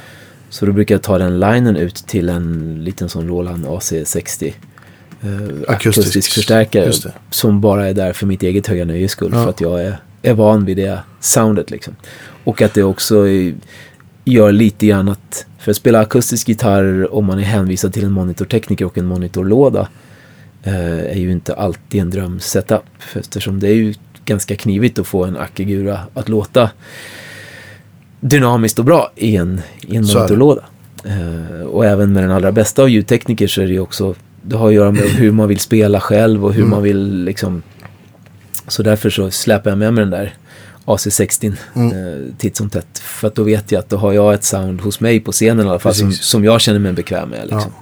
Och skickar du line ut från den? Ja, så till- skickar jag XLR'n ut, så skickar jag XLR'n ut till front of house då. Ja, Och så kan man ju lägga effekter emellan där också om man vill. Det Ja, just det. gör jag ju ibland. Spela lite med dist eller med tremolo eller Ja. vad man nu vill göra. Liksom. Jo, men jag kommer ihåg det. Vad kör du för... eh, Du, eh, är det de effekterna för Wet Dry Wetten? Det är de Mm. två. Jag vet att du hade något TC-delay förut. eller Ja, precis. Ja, just har du kvar den, Nej, eller jag har kvar det men jag använder det inte längre. Nej, Så att jag håller också på att lura på en lösning att, slippa, att bli av med hela det racket. För nu är ju racket bara för steget. Ja just det. Eh, Så att eh, det här kanske vi ska ja, titta på lite varianter på. Om man, jag vet att Electro Harmonix har ju någon liten 44 watts Mm. DI-box. Just det, Magnum 44. va? Precis, man ska kunna montera två sådana under pedalbordet kanske. Sebbe har ju gjort ett, det ser ut som ett pedalbord hans här. Aha, Han har satt ett sånt, vad de heter, kan de heta stealth någonting? Så här stort lättviktssteg. just det. Eh, på, och någon sån här mixerskiss på, ett, på ett litet pedalbord. Mm. Så, Också för att slippa liksom Ja, visst.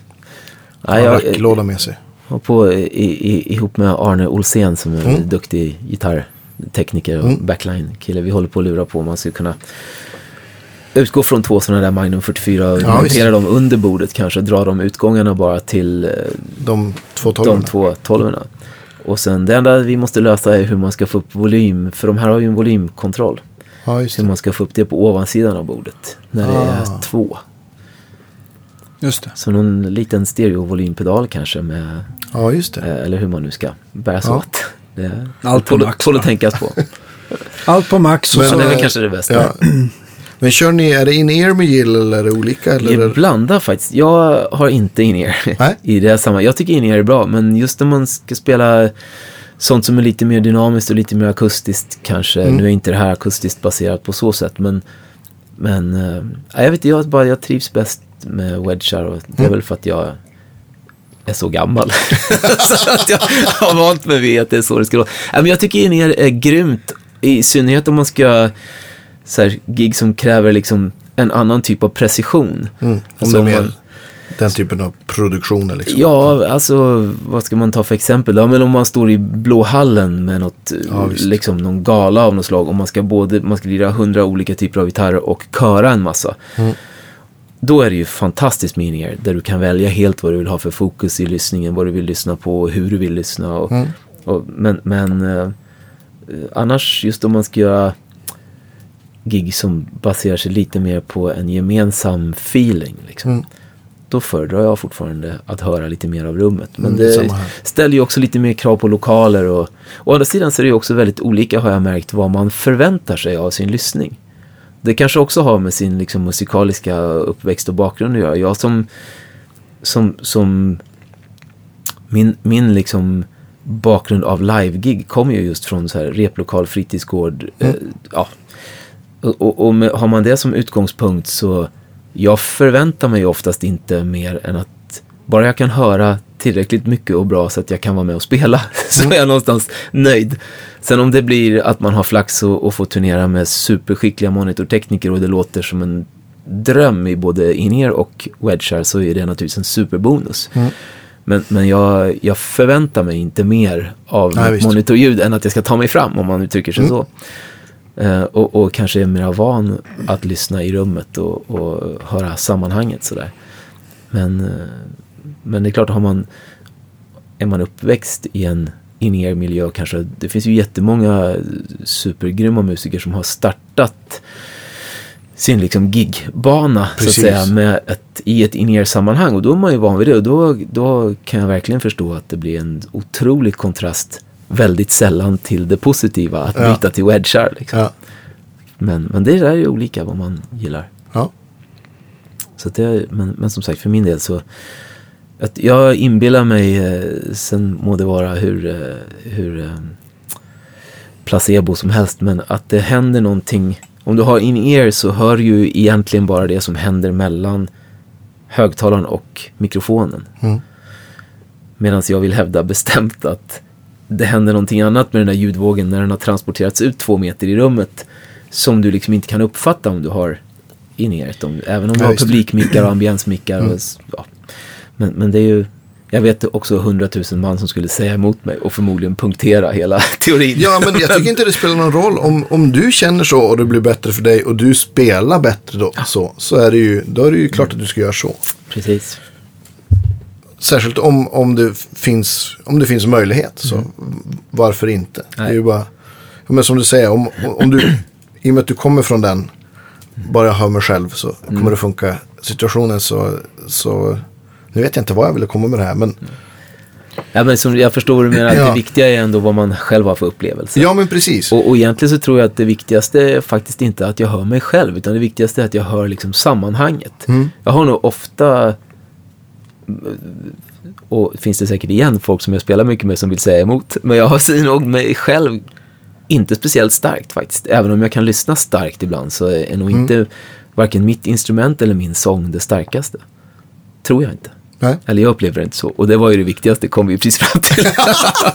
Ja, Ja, grymt. Och Jag, men jag tänker också på, hör man sig själv för mycket, jag vet att folk, eh, det är väl lika personligt som allt annat, men, men eh, jag tror att jag gillar nästan att höra mig själv, gitarren lite mindre, för då vågar Ja, man visst. spela ut på Ja, ett annat visst, sätt. Annars blir jag lite så här som man tassar runt en eh, Ja, men het visst. kastrull eller någonting, att man liksom eh, tyck, typ eh, skjuter hål i huvudet med någon men det har jag märkt med, med liksom, ibland, både sångare och, och eh, art, artist eller kör eller artist, att om, om man har för mycket av sin egen sång Mm. Så kan man märka att, att de blir pitchiga. För att de har inget att, att referera till. Även folk som inte brukar vara pitchiga överhuvudtaget. Och det kan vara en, så, det kan vara en sån fälla med in er, tycker jag. Visst. Att folk kanske har för mycket av sig själv. Mm. För att det, de gillar det, eller jag vet inte. Jag tycker det är skitknepigt att sjunga med in-ear om man, om man har mycket stomljud. Så som du säger det här med, med pitchen. Att liksom, Mm. Men, men eh, om bara man hittar ett par lurar. Jag har försökt med gjutna jättefina lurar Mm. av alla möjliga märken. Som, men jag har aldrig fått det att funka något bra. För att hur jag än bär mig åt när jag gjuter dem där. Så när man väl står och sjunger sen så antingen så trycker man ut dem lite grann så att det blir, man upplever det som att det blir fasfel liksom. Eller Mm. att man, man de blir otäta. det, så. de blir otäta så blir det superkonstig lyssning. Plus att det blir, Det är ju en resonans i huvudet också. exakt, då trycker man i de där gjutningarna och, och det är väl någonting man gör med käken när man sjunger vissa toner eller vad det nu kan vara. Men, men då blir det ju också känslan att, att eh, det blir som när man hör, att man är förkyld. Att man hör allting liksom inne i huvudet. Mm. Och det blir helt hopplöst. Men nu, så nu har jag faktiskt återgått till just när man ska sjunga. Eh, jag hoppade in i, i Let's Dance och vikarierade som sångare för Stefan Nyqvist. Okej. Jag har varit med och vickat som gitarrist där flera Ja. gånger. Men, men eh, som sångare var det en ny, det var jätte, superkul. Bara på sång? Bara på sång. Ja, coolt. Ja, coolt och otäckt också. Därför att jag insåg plötsligt att när man spelar det man är van att göra så är man så medveten, fast man inte tänker på det, men man har liksom, varje instrument har i min värld någon så här, en position i, i att driva musiken framåt. Mm. Och en basist har en position, en, eh, ja, om ni förstår vad jag menar. Mm. Och jag är ju väldigt van vid vad gitarr och körsångpositionen gör och vad som förväntas och vad som är viktigt att man inte, alltså man ska ju naturligtvis alltid göra sitt allra bästa, men det finns ställen där det är mer eller mindre avgörande att du gör det du ska. Men, och det har man liksom vant sig vid på något sätt. Men om man då byter position och plötsligt blir leadsångare i ett sammanhang, så, så har ju den rollen har ju helt andra eh, förutsättningar. Ja. Så att det, var- om det var något som man eh, hade anledning att bli nervös över så var det kanske inte så mycket själva sånginsatsen och att det skulle liksom, utan det är mer så här, vad, vad händer nu om jag glömmer det här? Då, då kommer det här, det här är inget läge att dra på formen lite grann. så det var, ja, det, var, det kom jag naturligtvis på lagom i tre, fyra, till första låten. Att, man ska inte börja tänka på sådana Jag kör samma vers om och om igen. Precis. Eller var det nu två takter innan sången började, eller var det fyra? Ja, just det. Det, ja, där kommer ju noterna in i bilden igen. Ja. Det är bra att kunna se det Ja. innan de där två takterna har passerat. Ja, men så nu har jag återgått till vanliga, så, inte gjutna lurar, utan vanliga silikontoppar. Ja, just det. Liksom. Är det något speciellt märke du har föredragit här? Pff, nej, det vet jag. Nu, jag har fastnat för ett par som är Ultimate Ears. Eh, då, kan de, jag tror att de heter, det kan vara fel, men jag tror att de heter 900. Mm. Så ganska enkla lurar liksom. De bara, det var nog mer att de satt behagligt än att de kanske låter bäst. Och då upplever du att du får ett litet akustiskt läck också. Ja, precis. De är mer konstanta i, sin, i sitt läckage. Plus att Ja, det är ju lättare, upplever jag i alla fall, att justera en sån där silikonlur än en gjutning som sitter halvvägs in i järnbalken. Liksom. Det, det funkar bättre för mig i alla fall. Och det är lättare att plocka ur om man skulle känna att man vill lyfta ur dem helt och hållet en kort sekund. Så, så det, nej, det, passar Ja. mig bättre. Vad åker du med för eh, akustiska gitarrer då på? Förutom eh, National. Ja, killen. eh, nu blir det faktiskt inga Akiguror alls på just den här turnén i sommar. Men, men eh, annars så har jag ju, eh, har ju flera stycken Guild-gitarrer. Mm. Eh, en eh, superfin F30. Just det. Eh, som, jag, som låter fantastiskt. Som, eh, och sen en, en eh, GAD 20 tror jag att den heter. En liten 12-bands Polar, Parlor modell. Som är ju Kina-tillverkad.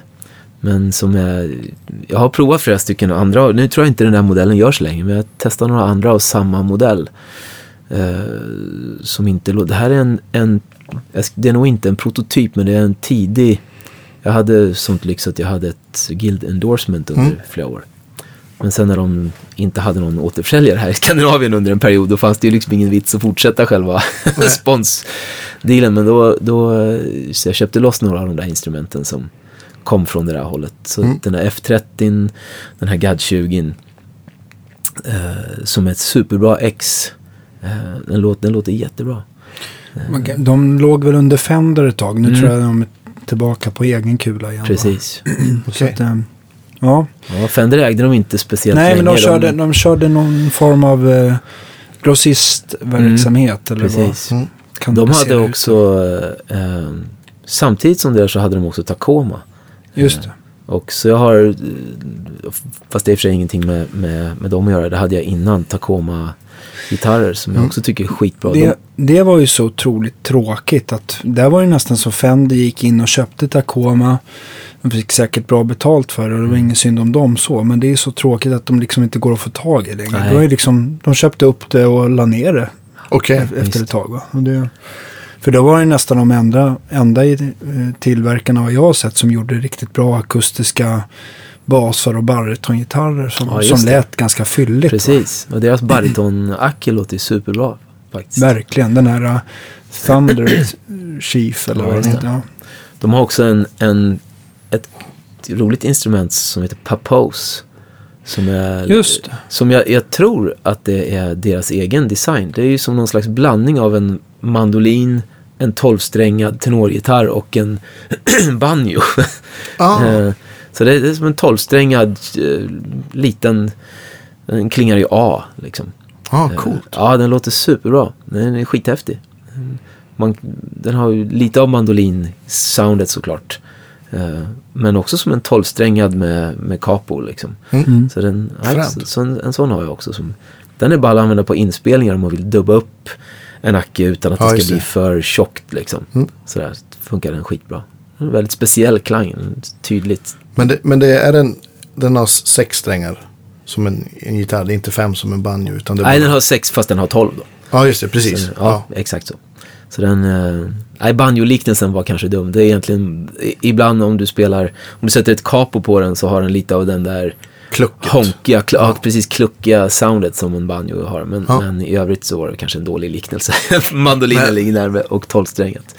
Men även den är, den är cool. Ja. Eh, sen köpte jag faktiskt nu, jag fick låna av en kompis här För jag har ju jag har flera sådär jättefina eh, handbyggda supergrymma akagurer. Men alla är ju hyfsat moderna eller nya så att säga. Mm. Och då låter de ju på ett speciellt sätt. Så eh, lånade jag en, en gammal Gibson LG1 av en kompis Quint Starkey som har en Mm. fin 64 kanske han säger.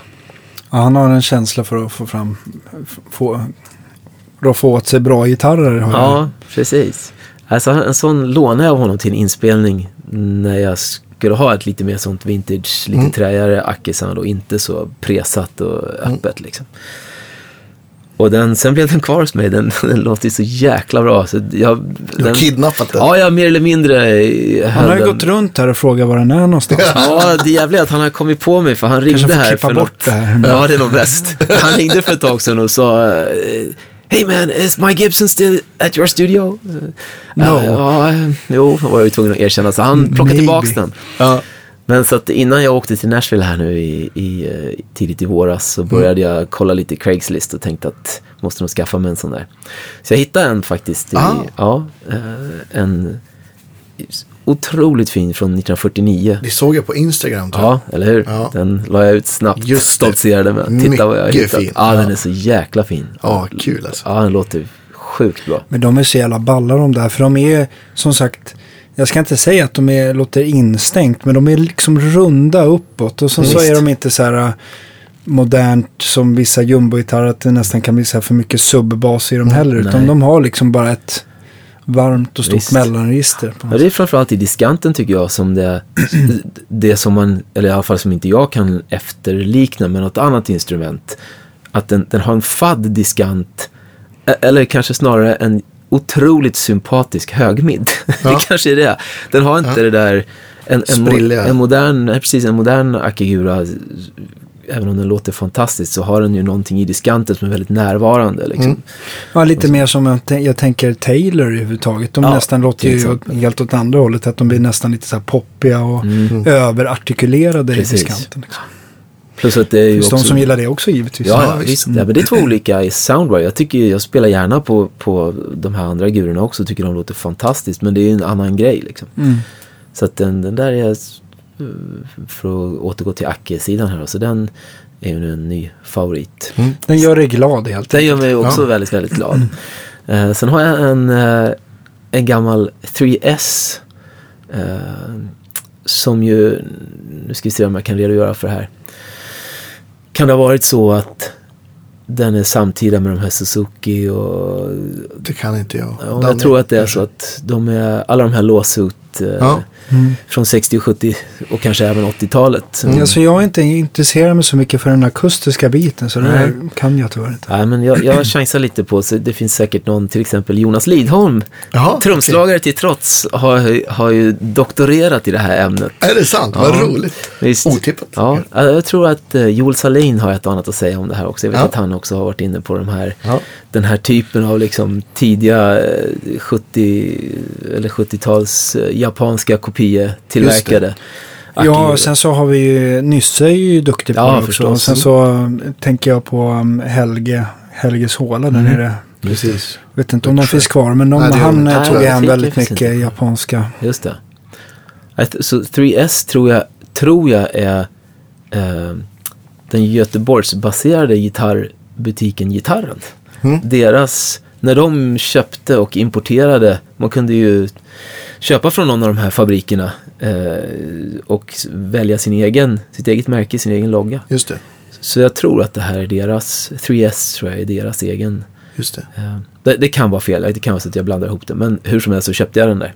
Ja. Eh, också en, Vad är det, är det, vad är det en kopia på? En Dreadnought, ja du. En Martin typ eller? Förmodligen, fast den, den har slotted headstock, eh, otroligt så, kraftig hals. Det är liksom baseballtränivå på. Ganska ovanligt för en japansk gitarr kan jag tycka. Precis. Och så är det laminattopp. Um, så, sådär lite, den borde inte låta så bra egentligen. Men den låter superbra. Ja. Otroligt mjukt och fint, sådär varmt och tjockt. Superbra komplement till till exempel den här LG1 som Mm. jag har en mycket mer så projicerat sound liksom. Jag kommer att tänka på just det här med laminat. Det tänker ju alla för fasiken. Det måste ju låta mycket sämre. Men tänker man på de här gamla Selmer-gitarrerna som vår vän, eller vän, den gamla hjälten Django spelar på. De var ju laminerade i sidor och botten. Precis. För att man skulle kunna bygga dem tunnare. Och då blev de mer volymstarka. Bara en liten parentes. Ja visst, ja, men det där är nog mer individuellt tror jag än vad man... Det är väl så, en sak eh, på pappret och en sak i verkligheten kanske. Ja, jag, tror, jag, jag tycker det känns som att folk är väldigt objektiva och liksom så här, Mm. den här gitarren låter skitbra och så- bara för att den har rätt spesar då. Ja, men visst. Men sen Bestämt så måste man ju liksom, ja, som i det här fallet, verkligen lyssna själv. Ja, visst. Ja, nej, det är... um, Ja, det, jag tycker, det är roligt att ha olika... Jag tycker att det är kul att spela med olika öppna stämningar, olika varianter på Mm. Akigura sådär. Mm. Har ju haft lyxen att ha i, i, i mina öron och eh, på alla sätt och vis en av de mest absolut fantastiska gitarrister som finns i hela världen, Lasse Englund. Ja, visst. Som någon form av... eh, Jag tror att det är femte gången vi säger att vi måste ha som Ja, ja, gäst. ja. ja, det tycker jag. Ja. Ja, men han, är ju, han har ju varit någon form av, han, han kanske inte ser det så, men jag ser det så, som en mentor i, Ja. i både vad det gäller akustisk gitarr och även produktion. Liksom. Mm. Jag tycker han är en helt briljant producent. Mm. Ja, verkligen. Eh, och en fantastisk person på alla Mm. sätt och vis. Otroligt generös sådär, att dela med sig med både musik och erfarenhet och tankar. Mm. Och, så att, eh, alltså jag tycker det är roligt att lira Acke. Mm. Och haft lyxen att få göra det på många Mm. olika sätt. Faktiskt. Ni har ju ett, ett band, eller en duo, du och din fru. Mm. Som, som ni spelar mycket med. Som också har, har, som det har gått väldigt bra för måste man ju säga också. Ja, det måste man ju säga. På, eh, eller ja. Jo, nej, men vi har ju haft flax och, och, och eh, fatt, fått väldigt, väldigt mycket, framförallt streams. Ja, precis. Men vad heter ni som duo? Vi heter Tyra, T-H-Y-R-A. Som, Mm. eh, och min fru heter ju Tyr i flicknamn, så det är väl någon slags flört med hennes. eh, Mm. Och tanken från början var väl inte att det skulle vara en duo egentligen, utan det var väl liksom hennes grej sådär. Sen har det Ja, just blivit att, att vi har att vi, att vi är en duo, fast jag bara inte är med i namnet. och klok som jag är så har jag inte protesterat över det. Eh, Och därför är vi också fortfarande gifta. Ja. Eh, Sen, vad det nu blir, 16 år. Ja, det är grymt. Ja, hängt ihop i 21 år här. Ja. Vad blir det för bröllop då? Jag har dålig koll på det. Nej, här. jag tror inte det räknas än va? Ingen aning. Jo, någonting är det. Så här, bomullsbröllop eller något. Nej, vi återkommer Ja, till det. vi det får Ja, men för ni har gjort både, både skivor med egen musik men sen har ni också gjort en massa så här akustiska covers som har spelats i. Ja, precis. fått många miljoner streams. Ja, visst. Och hamnat på en massa listor Precis. och grejer. Ja, men det är ju intressant det där hur, hur liksom musikens vägar ser ut nu för tiden. Med, Ja. med liksom det, dagens format på... Eh, vi gjorde, vi gjorde en, en platta, kan det ha varit 2011 kanske, med bara originalmusik. Mm. Som vi släppte både i fysiskt, eh, fysisk form och, i, eh, och digitalt. Eh, och den, den gick väl inte, inte omärkt förbi sådär. Vi, alltså, nu för tiden så är ju succé i musikbranschen är ju ett flytande begrepp. Ja. Lite beroende på vad man kommer från för perspektiv. Så vi gjorde ju det här bara för att vi tyckte att vi ville dokumentera låtar som vi hade skrivit tillsammans under Mm. en förfärlig massa år. Liksom. Och sen så, så, så vi gjorde lite, rätt mycket gig med den här plattan och, och lite, lite tv, sån där promotion som man Mm. hoppas på att få göra. Liksom. Och tyckte väl att det, det funkar bra. Sådär. Men tittar man på då framförallt digitala streams på Spotify och så, där, så tror jag att där, då så, jag minns att vi hade någon låt som kom upp över 10 000 och vi tyckte det var supertoppen. Liksom. Mm. Sen så var det en eh, kille som sa att, för vi har gjort en del covers också när vi har lirat sådär som vi har arrat i samma format som vårt eget sound för att känna att det känns kul att det passar in sådär. Mm. Eh, och så hade han hört någon av de där låtarna och sa att det här borde ni ge ut. Och vi kände oss väl skeptiska både av liksom kanske fåfänga skäl så att Mm. man vill göra sin egen musik liksom. Mm. Och sen kanske lite också att säga, ah, var, varför då? Mm. Men eh, han var påstridig och tyckte att så här, ni borde verkligen släppa det här. Det han tyckte att det var bra. Så vi gjorde det faktiskt lite grann mest för att här, få tyst på honom. Ja. så vi, vi spelade in eh, en, en version på en Katy Perry-låt som vi släppte. Eh, och ett, tu, tre så f- fick den, den den hamnade på någon lista någonstans. Och sen så, och det i sig ger ju mycket spridning liksom. Mm. Men sen, det som framförallt gör skillnad är ju när folk som lyssnar på de här färdig sammansatta listorna tar låtarna och börjar göra egna listor som man får Just det. vad som tydligen kallas för organisk delning. Just det. Eh, så att det gick ganska snabbt så hade den där låten över en miljon streams. Mm. Och sen så hade den, ja så fortsatte det liksom. Mm. Och det, så vi, det som, är, det som har varit fantastiskt för oss är ju att den där coverlåten och sen har vi släppt några coverlåtar till. De har ju liksom gjort att folk har fått upp ögonen även för, För originalmusiken. musik. Mm, ja, visst. Så nu har ju den gamla plattan den för fortfarande en tynande tillvaro tror jag. På, på, på, även på Spotify. Men den nya originalmusiken som vi har gett ut. Den, den har också gått väldigt, väldigt bra. Och också flera miljoner streams på. Det är askul. Ja, det är fantastiskt. Jag tror eh, nu senaste, man får ju fina avräkningar och kan titta på det Mm. där.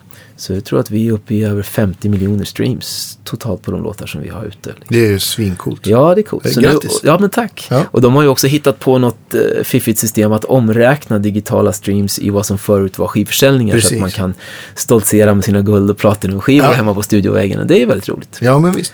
Det, Ja, men det, det, det här tycker jag är ett kul. Det är så kul att höra sådana här stories. För många kan ju i alla kan ju säga negga på att ja, men det är så svårt att tjäna pengar på musik. Och, visst. och, fast samtidigt har det ju aldrig varit lättare att nå ut till folk över hela världen med sin egen musik. Och det har aldrig varit lättare att ge ut musik själv. Ja, visst. Så att, eh, Det är väl bara att man kanske har ännu större risk att drunkna i bruset. ja, men, ja, men så är det ju Visst. definitivt. Absolut. Så, så Det gäller att ha lite vind i seglen och Ja. lite flax där. Så. Ja. Visst. Ja.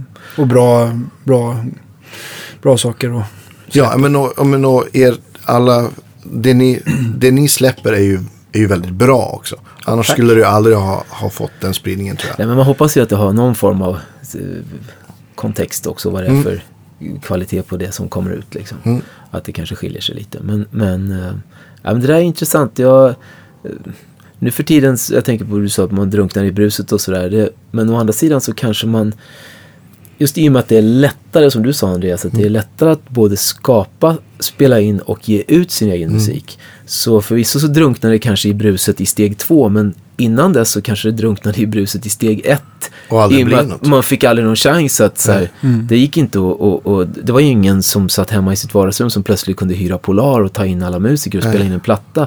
Nu, nu, är man ju, nu har man liksom flyttat det där steget på något vis. Och jag, jag, jag måste nog spontant, utan att ha tänkt efter för mycket, i alla fall tänka att ur ett kreativt perspektiv så, så kanske det är att föredra den situation som är nu, bara rent ur, ur det rena musikaliska. Sen, sen kan man ju debattera på hundra olika sätt beroende på vad du har för ingångsvärde. Mm. Det rent finansiella och rättvisa och ekonomiska Exakt. i den, i, i liksom den situation som är nu med, med streams och, och ersättning för det och så Mm. Det, där- det, det tror jag är, som det ser ut nu så är det liksom det finns lika många takes på det som det finns personer som har gett ut sin musik och som har någon form av ekonomiskt intresse i det. Liksom. Exakt. Liksom. Jag tänkte på det där du sa med att man kan nu eh, liksom få de här streamsen omvandlade i att man kanske har sålt guld och sådär. Fin, finns det några faktiska gränser eller beror det på vilken genre eller hur, hur ska man se det? Eller Eh. vet du några siffror? Nej, det vet jag faktiskt inte nu på rak arm. Men det, det finns ju ett, det finns en formula för det där liksom. Vad, vad som, jag, kommer inte, jag vet inte ens vad guld, när man men- sålde, vad är det, äh, 20 000? Ja, det där ändrades ju också. Ja, Då sk- det blev, skivförsäljningen droppade så droppades ju alla de där siffrorna Ja. också. Men Men jag tror det att en miljon stream. streams tror jag är, är inte det en guldplatta? Kan det vara så? Eller en Kanske. platinaplatta? Är det för hela skivan då eller är det för en låt? Eh, det är nog för en låt. det är nog f- en låt tror jag. Att ja. det låter bekant. En miljon streams är guld, fem miljoner platinum Ja, det kanske. låter bekant. Ja, Det ta, ta låter- det med en nypa salt. Ja, Jag- det borde vara det väldigt väl- lätt att googla fram. ja, det tror jag. Faktiskt. Ja. Ja, Eh, Men det är fortfarande samma instans som gör guldgraveringen och ja själva- är roligt. Så att det är ju liksom på ett sätt då, eller jag vill ju välja att tycka att det är lika Ja. mycket guldskiva som en gammal guldskiva. Ja, ja men det är det väl. Men ja, Jo, men det måste man väl ändå se. Det handlar väl ändå om att folk lyssnar på Jo, men så är det ju. låten det är ju ett resultat av eh, en, en omfattning av liksom, spridningen på det man har gjort. Precis. Absolut. Eh, Men eh, Och det lär ju inte tryckas mer CD-skivor i framtiden heller. Eller? sannolikt inte, det ser inte ut så. Nej. Nej, men jag kan tycka att det där är som sagt, vad som är succé i, i och, och vad som är framgång eller inte, det beror också på vad man har för avgångsramp eller avfyrningsramp så att säga, vart Mm. man startar. Och på ett sätt kan ju jag tänka för min del så att om, om, eh, om det kommer in slantar på, på en om någonting gör att till exempel alltså, en, en, en, någon kanske tycker att så här, kan, man hålla, kan man hålla liv i sin studioverksamhet, i sin, in- kan man bekosta sin egen inspelning, att få tillbaka de pengarna på en, på en streamingtjänst eller på en, liksom, så kan ju det vara en succé. Mm. Medan andra kanske har ett annat, en annan level liksom, av vad, man, vad man måste recoupa eller vad man, det beror på lite vad man har satsat och vad man hade Ja, för exakt. agenda när man gjorde inspelningen kanske Mm. också. Men man, vi kan väl i alla fall vara överens om att man tycker nog att artisten och upphovsmannen får en lite för liten del av kakan helt enkelt som det känns nu i alla fall då. Ja, Eller? Håller ni inte med? Det, det är svårt, tycker jag. Det, eh, problemet med, med Spotify är att det är, olika ers- det är ju väldigt lite ersättning om någon lyssnar på din musik som inte har en prenumeration. Som har liksom gratisvarianten. Så är det ju jätte... Jag kan inga siffror men det är jätte, jättelite ersättning. Och om någon som har ett premiumabonnemang lyssnar så är det kanske, vad vet jag, 11 öre eller beroende på vad man har för deal och vad ja man nu ligger någonstans. Så att, så att, men, och, men det jag tänker, det, man, det jag försöker liksom tänka är att, att det blir bättre hela tiden det här. Och, och att till exempel, jag var på ett jätteintressant föredrag som, som jag med i Skap. Och som ligger under Stim. Och då hade de bjudit dit eh, YouTube. Så de var där från YouTubes huvud, Europa-huvudkontor i London. Och även de som jobbade på YouTube. här. Så, så Stim har gjort avtal med, med YouTube nu. Så att man kan, man kan få, få Stim även för låtar som Ah, det är fantastiskt. så att jag hoppas att man kan se tillbaks på. Nu är det ju mycket bättre än vad det var för, för sju, åtta år sedan Ja, kanske med, med, med allt digitalt. Men att man kan se tillbaks på att det här var någon typ av stenålder rent upphovsrättsmässigt. Och, Ja, men så, så tänker jag också att det, det, håll, det måste liksom stabilisera sig. Det är fortfarande i någon slags shaky grounds Ja, jag- efter ja. vad som har, att hela liksom branschen, hela systemet har ändrat sig väldigt dramatiskt. Mm. Och det har liksom inte hunnit ikapp sig själv än. nej, Men jag tror att man, eller jag i alla fall försöker välja att se det, nu är det ju lätt för mig att säga som inte har drabbats menligt på något sätt. Nej. Utan snarare tvärtom. För mig har det ju, och för oss har det ju liksom inneburit egentligen bara positiva, att det ser Mm. ut som det gör liksom.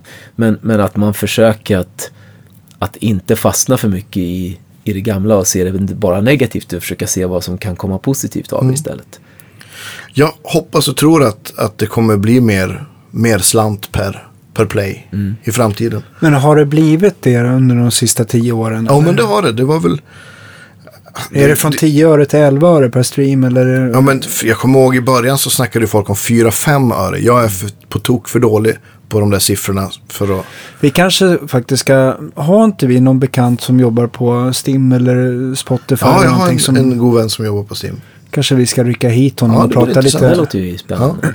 Visst. Bara för att um, vidga våra vyer. Ja, Bra. Precis. Men och det finns ju också, det finns ju fler streamingtjänster också. Liksom, eh, jag vet att Tidal betalar mer till exempel. Eh, Apple Music tror jag också betalar mer. Jag kan inga, inga siffror men, men, eh, men hur som helst så är det ju på något sätt, det, det är som att det, man får ju bara inse att det kommer ju aldrig bli som det var förut. Nej. Nej men så är det. Det, kommer, det har antagit en annan form Ja, och så får man liksom bara jobba därifrån. Just. Helt enkelt. Men eh, ni kanske inte hade spelats på ett café i Singapore om det inte hade, varit, om det inte hade Nej, sett nej, ut som det gjort idag. nej. Då kanske ni hade gett ut en skiva på EMI och sålt 7500 ex i Sverige och Precis. varit jätteglada för det. Ja, ja. Men ingen hade hört det i Singapore, Nya Zeeland eller... Nej, det är ju en annan, det är en annan sida av det som är helt, så återigen för vår del, bara i den situation vi är, så är det ju fantastiskt, precis som du säger, att kunna nå ut med, utan att ha en marknadsföringsbudget som är monstruös, så kan man nå ut till folk i hela världen och också få en möjlighet att faktiskt åka och göra gig för Mm. en publik som man har i hela världen. Liksom. Vi har ju jättemycket lyssnare både i England, i Nederländerna och i, i USA. Som faktiskt så många så att det liksom, man, kan, man kan åka dit och göra ett, en konsert och det kommer Ja. folk och lyssnar som vet vilka man är. Mm. Och, och ur, ur det perspektiv att man vill spela sin musik och, och sprida sin musik så är det helt oslagbart Mm. grymt. Du snackade om att du hade något, något nytt trio-projekt på gång också. Ja, alltså nytt är ju det kanske det är. för mycket sagt. Det är väl ett liksom projekt som har legat i, i, eh, i, i, i Dvala. Ja, i ständig dvala. Det vaknar upp när det blir möjlighet. Men äh, det är jag och äh, min mycket goda vän Micke Dahlén som Ja. är trumslagare. Och en annan fin kamrat som heter Fredrik Land som är Ja. basist eller trummis, vilket man nu vill. Han är en sån där otäck snubbe som Ja. spelar allt och lite till lika bra. Ja. Vi, vi, eh, vi när någon slags uh, trio-dröm. eh, som vi, eh, och vi har kommit så långt så vi har eh, i alla fall setts i, i studion och eh, lirat in ett par låtar sådär hyfsat spontant men som ändå så här, det här är det vi tänker oss att vi ska eh, få liv i någon gång. Mm. Och det är otroligt, jag älskar att spela trio-formatet, jag tycker det är skitkul. Och då blir det ju också, man automatiskt hamnar kanske i det som rent musikaliskt är ens, ja, ganska nära ens rötter. Liksom. Så, det, så vi, ja, ja, men vi har fått eh, ett par låtar i alla fall som eh, börjar närma sig någon form av, så här, Ja, så här kan det låta. Har ni ett namn? Nej, det har vi faktiskt inte. Uh, Micke Dahlén har ett namn på vårt band som han tycker att vi ska heta, men det, jag är lite bättre uppfostrad än honom. Så jag, Inte rumsren. Nej, det, ja, det beror på. Det, ja, jo, men han tycker att, eh, han tycker att vi ska, så, jag, så här, ja, han tycker att vi ska heta Vibergs band. Och det Och så- lät ju verkligen Ja. inte alls rumsrent. Nej, men om vi, om vi lämnar det vid att han tycker att vi ska heta Vibergs band och sen hoppas han av hela sitt hjärta att vi någon gång ska få göra ett företagsgig på en läkarkongress. Okej. Och så lämnar vi det där. Ja. Okej. Så det är hans, det är hans han, har- han har också väldigt, väldigt dålig humor, Micke Dahlén. um, ja, men det är roligt. Ja, det är väldigt kul att spela med Micke och Fredrik också. Ja. Vi försöker spela ihop så mycket vi kan i alla möjliga sammanhang. Ja. och eh, hängt ihop länge. Mm. Och återigen så där glädjen och djupet av att spela med folk som man har spelat med länge och som man känner väl. Ja, det, är- det är något extra på något vis. Tycker jag. Ja, så är det. Ja, men eh, ska vi ta och lyssna på en av de låtarna kanske?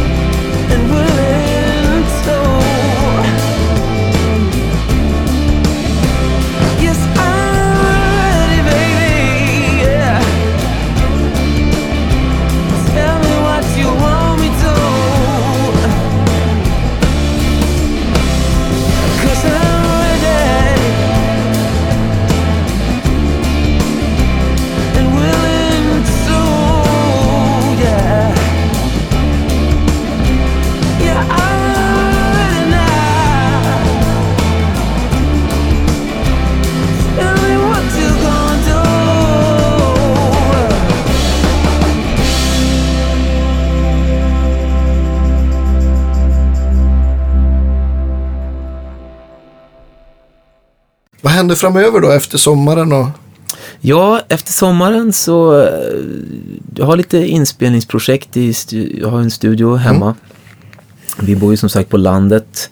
Och jag hade en studio inne i stan i många år ihop med en kompis. Men så blev jag av med, eller alla som hyrde där blev av med kontraktet. Så vi eh, stod utan lokal och så gick vi också lite skilda vägar så där rent. Vi, ja, vi ville olika saker med vår inspelningsverksamhet.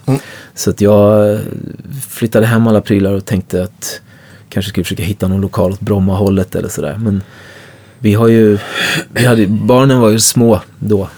Så vi kände att sitta och åka liksom. Så vi bestämde oss för att bygga ett separat hus hemma på, vi har ju väldigt stor tomt. Mm. Så vi byggde ett, ett hus eh, som blev studion hemma. Så vi, eh, och det är jag väldigt glad för. Det, är Just när barnen är mindre så att kunna ha möjligheten att gå ut och börja med någonting och inte behöva åka 40 minuter och Ja, larma av och hålla på och starta upp allting. Utan sen, det är superlyxigt. Och nu är de ju stora så nu är inget, inte det ett bekymmer. Nu är det mer bekvämt för pappa att ha, att ha jobbet tvärs över gräsmattan. Precis. Nej, så det är bra. Så där, vi, eh, jag har lite inspelningsprojekt där. Det kommer ett, ett band här som jag ska producera en platta med eh, nu under, under sen sommaren här. Ja. Eh, och sen eh, lite spridda skurar under, under eh, hösten och, och sen har jag inte riktigt rätt ut eh, julsammanhanget här nu men Nej. jag tror att det kommer lösa sig bra. Ja. Eh, så det, Jill ska ju vara, hon kommer ju vara i Göteborg. Annars har ju jag varit bortskämd med att jobba med henne väldigt återkommande sådär. Mm. Vi har gjort minst en eller två turnéer per år liksom. Och skivinspelning. Och skivinspelningar och en massa företagsgig emellan och Mm. allt möjligt. Men nu kommer hon vara i Göteborg och göra sin storbandsgrej där nere. Ah, okej. Eh, på The Theatre som hänger ihop med Gotia Just Svenska mässan. Eh, under, under hösten och julen. Eh, Ja. och eh, så då, och där är, spela storband är inte, inte min starkaste sida. Nej. Så då var jag klok nog att eh, inte blanda Ta ledigt Ja, precis. Ja. Så att, nej men så jag ska ha allt möjligt kul. Kanske som- lite kul att, att öppna upp för andra grejer Alltså, också.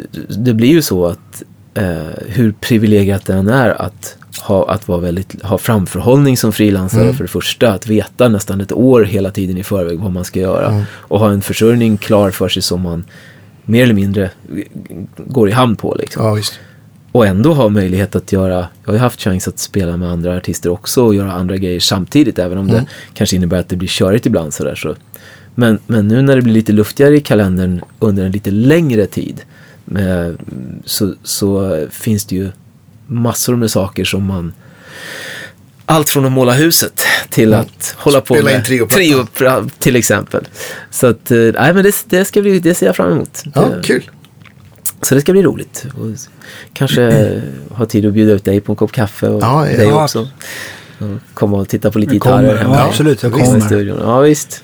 Vet du, det, um, vi brukar alltid avsluta eh, våran podcast, eller inte alltid, men vi försöker alltid Mm, avsluta. då vi kommer ihåg. Ja, och det är att, att eh, om det skulle vara så illa att huset brinner hemma eller studion och du måste bara springa ut med en gitarr eller någon gitarrsak, kanske din Tube Screamer klon. Ja, Eh, vad tar du för någonting? Alltså nu har ju liksom den här National-gitarren klämt sig in lite grann på någon form av delad första plats. Men annars, hade det inte varit för den så hade jag nog spontant svarat att jag hade snabbt som ögat ryckt min, eh, jag har en 73as Sunburst Strata. Som jag eh, har haft i urminnes-tider, eller sen urminnes-tider. Mm. Som, den är en väldigt, väldigt kär ägodel. Den skulle jag ha svårt att skiljas från.